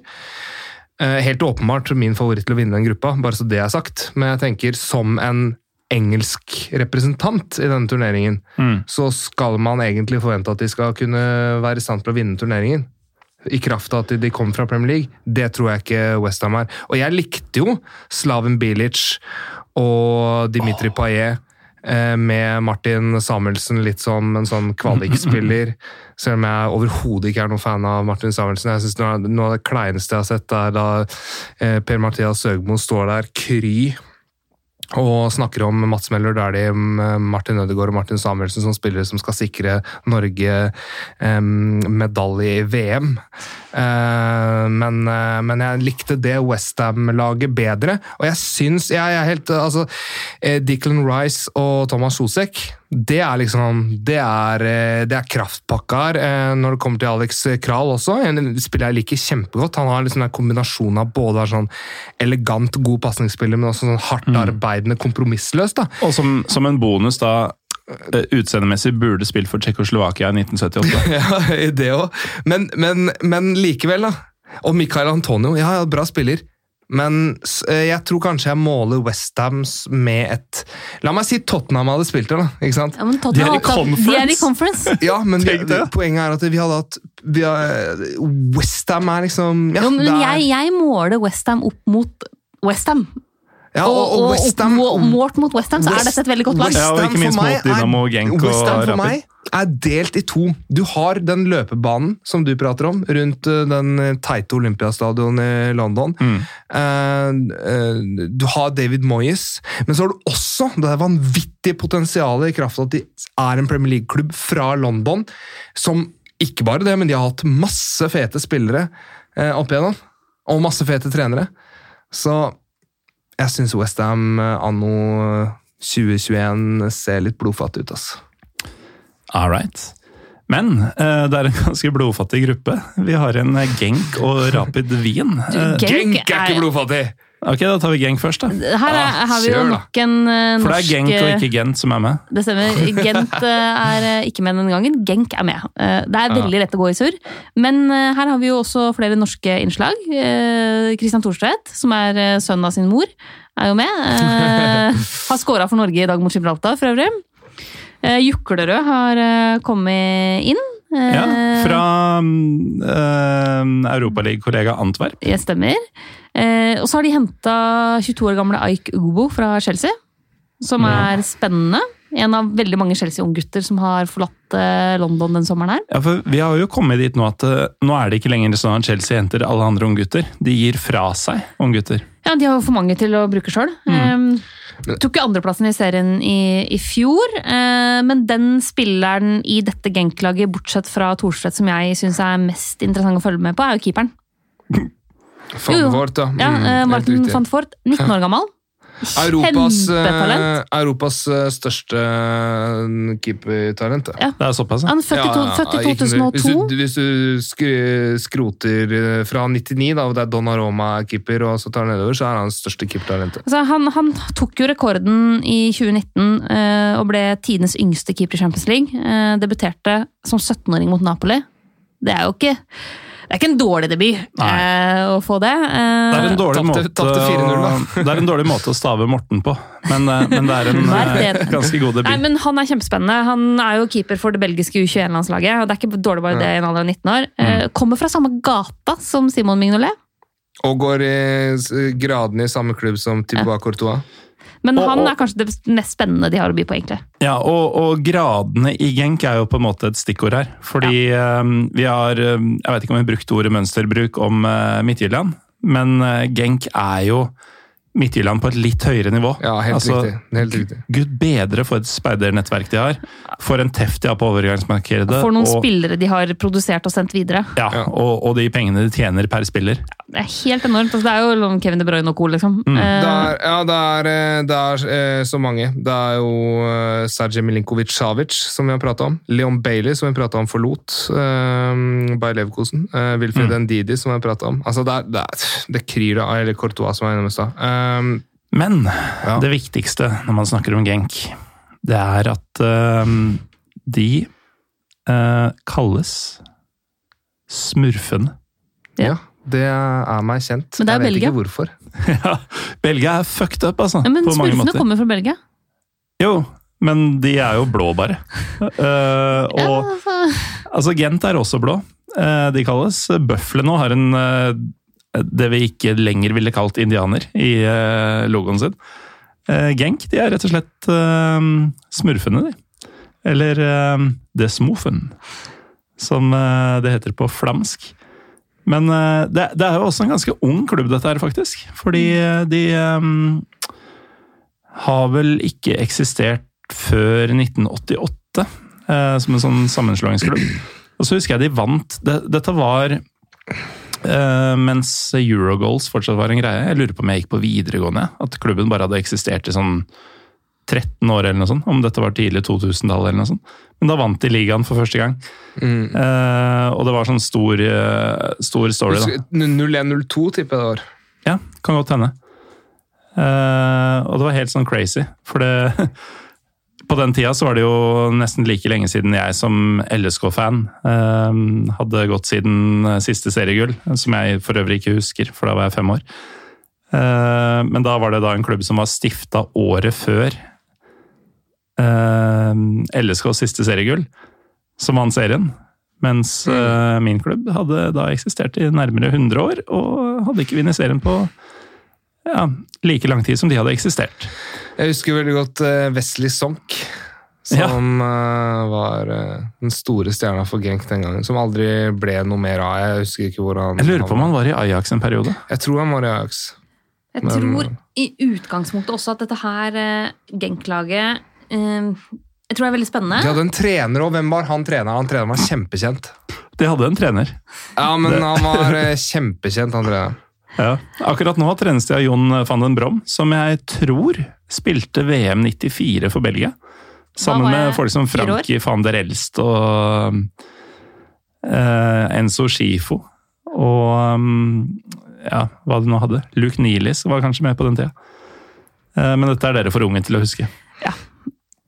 Uh, men i hvert fall viktig spiller for belgisk fotballhistorie, som nå trener Genk. Um, og med det så har du kommet på trenernavnet. Nei da, eh, jeg har ikke kommet på trenernavnet. Jeg skal bare, det er bare en, to ting som bare må sies eh, først. Eh, Når det gjelder Thorstvedt, så kommer han til å spille. Juklerød er nok dessverre i skyggen av Gerardo Arteaga, som Ja. har flere landskamper for Mexico. Bare så det er sagt. Men hvis noen av de som hører på nå, faktisk har tenkt til å se Genk og bare tenker sånn dette dette ta talentlaget, det har jeg lyst til å følge med på. Eh, Så er det Junia Ito, som er fra japansk A-landslagsspiller. Eh, Meget hurtig. Veldig deilig spiller å se på. Mm. Høyrebeint eh, høyrekant. Og så har du selvfølgelig det colombianske forsvaret med Suesta, Locomi og Munoz. Mm. Som man Og Lukomi selvfølgelig med den der særkolumbianske måten å stave Jon på, som er sykt Ja. irriterende. Med J-H-O-N. Ja. Å, det er provoserende. De er Han, han og Jon Cordoba De er selvfølgelig samme i skyggen av Jeremina og Davinson Sanchez, men uh, er faktisk altså, det er en bra mm. Og jeg tror dette Genk-laget her kan bite ganske godt fra seg i gruppa. Eh, Jeg har nok de på Enig. en andreplass bak Jeg tror Westham vinner gruppa, jeg tror Genk tar andreplassen. Samme Ja. Eh, Og så tror jeg Rapid Wien eh, kan snike seg til tredjeplassen. Da kan vi jo prate litt om Rapid Wien. Ja. Ja, som har eh, henta Kevin Wimmer, ja. eh, som jo er et Altså, noen vet at jeg har et hjerte i Stoke-on-Trent, Eh, arva av min far. Det er bomkjøpte. Jo, Han men, kom til Stoke, eh, og der men var det Tottenham som kjøpte den først? Ja, og så klarte de å For få han skulle være sånn supertalent. Jo, men, men Tottenham kjøpte den for 6 millioner. Stoke kjøpte den for nesten 20 av Tottenham.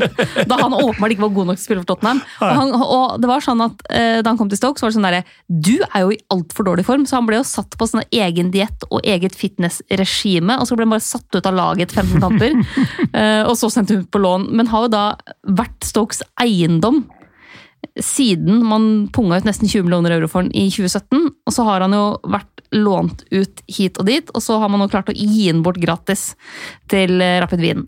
Mm. Så han er borte, men eh, skal spille Europa League.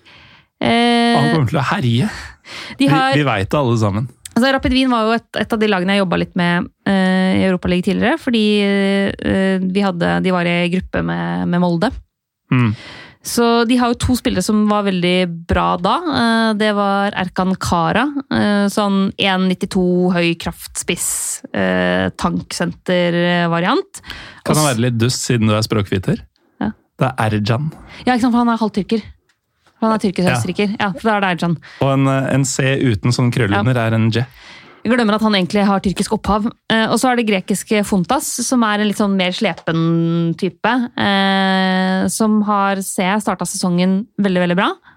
Eh, fire mål, én målgivende på seks seriekamper. Eh, han, han sleit med en sånn håndskade i et par viktige kamper i Europaligaen i fjor, men han var, han var synes jeg, så veldig spennende og lovende ut. da. Mm. Så det er liksom de to spillerne jeg husker veldig godt fra Rapid Wien forrige sesong i Europa League. Og selvfølgelig også Christoph Knasmüller, fordi det finnes ikke et mer liksom østerriksk navn enn å hete Knasmilner. Nei, og så altså er det så sykt østerriksk å hete det og bare finne seg til rette sånn sentralt på midtbanen. Sånn at alt skal gjennom Knasmylner. Ja. Du er ikke sånn perifer venstrebekk som aldri får ballen, eller noe sånt? Nei, det, det skal knases i Knasmüller. Ja, så han er jeg også bet jeg meg merke i. Eh, og så er det jo et østerriksk lag som sikkert kommer til å være bra. Men, og vi har snakka mye om at østerriksk fotball er på vei opp og fram og er bedre enn vi tror. Men jeg må bare si Østerrike i EM i sommer. Det mest beige landslaget jeg har sett på veldig, veldig Mm. lenge. Det var, Ja, det var knusktørt. det var, De tapte også- det var så beige. Og, og det, sånn er det litt med et par av de østerrikske lagene nå. at Ja, det er solid, ja, det er god Mm. kvalitet, men det er veldig beige.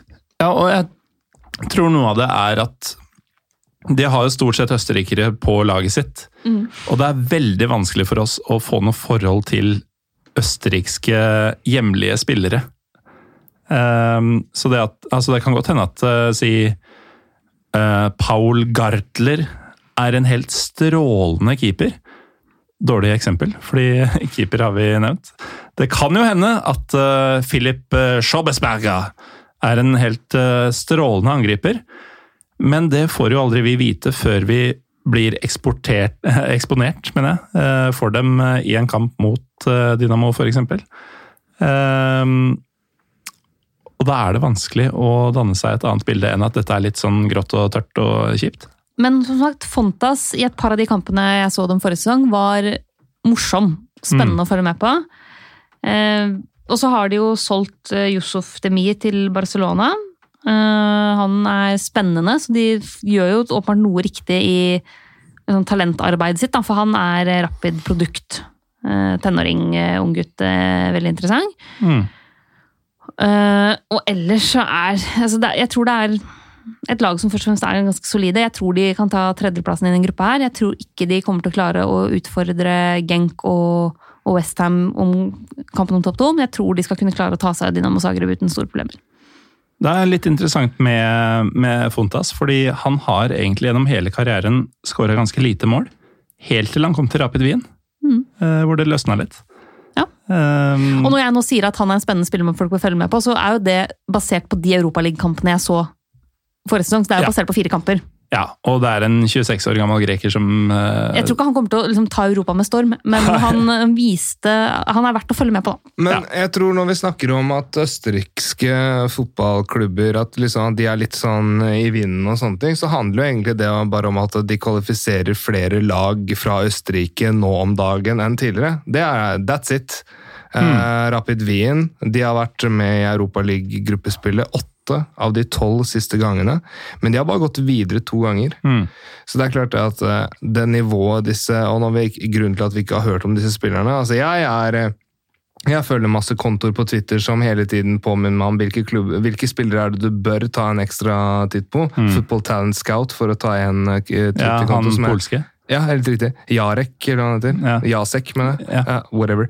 Uh, men, uh, men uansett, uh, så det er helt klart at um, uh, I dette laget her så er det ingen ekstremt store talenter, for da ville vi hørt om dem. Mm. Eh, for meg så er Rapid Wien den klare jumbo-kandidaten i denne gruppa. Jeg mener at Ja, ja. jeg er enig i at Westham og Genk tar de to førsteplassene. Jeg tror Dinamo blir nummer tre og Rapid Jeg fire. kan, jeg kan gå med samme. på det. Jeg kom på nå den kampen, de to kampene altså De tapte jo eh, borte mot eh, Molde forrige sesong. Mm. Ja, det, Eh, og det er jo ikke så er. Og så spilte de uavgjort hjemme mot Molde. Men det jeg kom på nå, var den 4-3-kampen de hadde mot Dundalk. Hjemme mot Ja. Dundalk, som var altså Dundalk var et lag av det er publag. det, det var så vidt profesjonelle fotballspillere. Liksom. Så jeg kom på den kampen nå, at bunnivået eh, til Rapid Wien, i hvert fall forrige sesong, var ganske lavt. Det som er utilgivelig med at Rapid tapte to kamper mot Molde, er at de fikk Molde-supporterne til å tro at eh, Molde leverte en eh, prestasjon som er eh, eh, verdt å snakke om. Det var det Rosenborg-mannen som sa.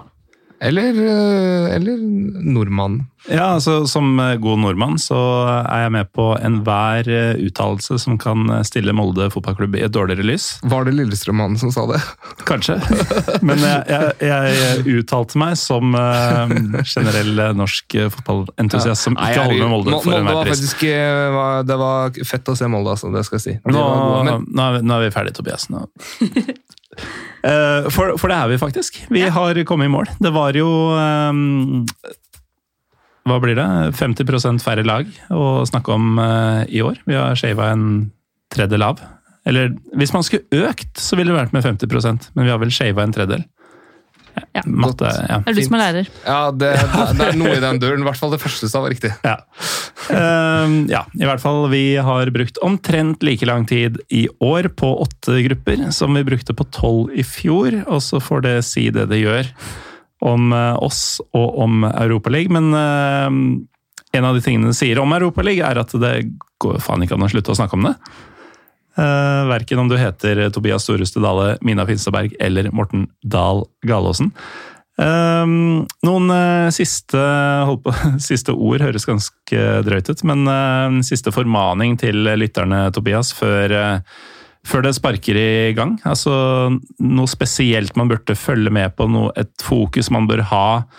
hva som helst som du ser fram til denne høsten i Europaligaen? Ja, jeg mener at uh, gruppe E, der, uh, bør du, der bør du se det du kan uh, se. Og så bør du følge med på franske lag hver eneste sesong, i hvert fall sånn som det foregår nå. Mm. Det er helt sjukt det de holder på med ta, talentutvikling der, også, bare generelt kos deg. Utrolig trist at ingen viser fransk liga i Norge for tida. Ja, det er helt vilt, og så er det jo en Uh, en fyr som er både ekvivalent til The Wire og Pink Floyd og det som verre er, Lionel Messi, som ikke ja, som burde blitt sett og vist på norske TV-skjermer. Ja, det er, det, er ikke så ofte han blir nevnt i Pyro og Pivo, men der fikk du sniken inn. Takk skal du ha. Uh, Mina, du syns sikkert det er enda verre at uh, Serie A ikke blir vist på norske skjermer for tida. Men Ja, det er blytungt. Ja, det er seigt, altså. Um, og jeg er enig med dere begge akkurat om de to ligaene. Um, men um, hva, hva, vil du trekke fram, hvis du skal si en eller to eller åtte ting uh, som peker seg ut, nå som det er i ferd med å starte? Um, Europaligaen er fantastisk hvis du har lyst til å se de neste store stjernene. Det mener jeg. Det er veldig ofte at det er der folk slår gjennom. Og det er utrolig kult, fordi det er en, en ganske viktig test for en del spillere. Eh, mm. For da, Du flyttes litt ut av komfortsonen. Du er ikke i hjemlig liga lenger. Du er ikke i kjente omgivelser. Plutselig så skal du spille i Glasgow, eller du skal liksom eh, inn til Benito Marin og møte et Betis-lag med full fyring, eller du skal til liksom Moskva eller Serbia, liksom. Det er mm. nye omgivelser for mange av de her unge og håpefulle. Det er ofte utrolig kult å se det. Eh, og så er jeg selvfølgelig enig i at eh, den, gruppe, den gruppa til Lazio og Marseille og Galatasaray og Lokomotiv Moskva tror jeg kommer til å bli fyr i teltet. Eh, det, ja, det tror jeg blir fullt kjør. Og så tror jeg at den gruppa til Real Sociedad med Monaco, PSV, Real Sociedad og stakkars Storm men, men i hvert fall Monaco, PSV og Real Sociedad, der tror jeg vi kan få noen, noen bitte fete kamper. Selv ikke Arnold Schwarzenegger kan redde Storm i den gruppa der. Eh, takk Tobias og Mina for at dere var med for andre år på rad. Måtte det bli et tredje, et fjerde og et femte osv. Men eh, vi tar det som det kommer. Eh, takk til deg som hørte på. Neste uke så blir det tilsvarende med mm, Conference. Og da er noen dere har hørt før, tilbake. Eh, I mellomtiden så er det fint om du som holder til i Trondheimsregionen, eh, følger Pyro Pivopod på Twitter og Instagram, spesielt eh, Twitter, for der kommer det en link som handler om episode 200. Den går på EC Dals fredag 8. oktober, og billettene ligger på Hopla! Men selve linken den finner du nesten bare ved å følge Pyropivo pod på Twitter. Takk for nå, vi høres neste uke.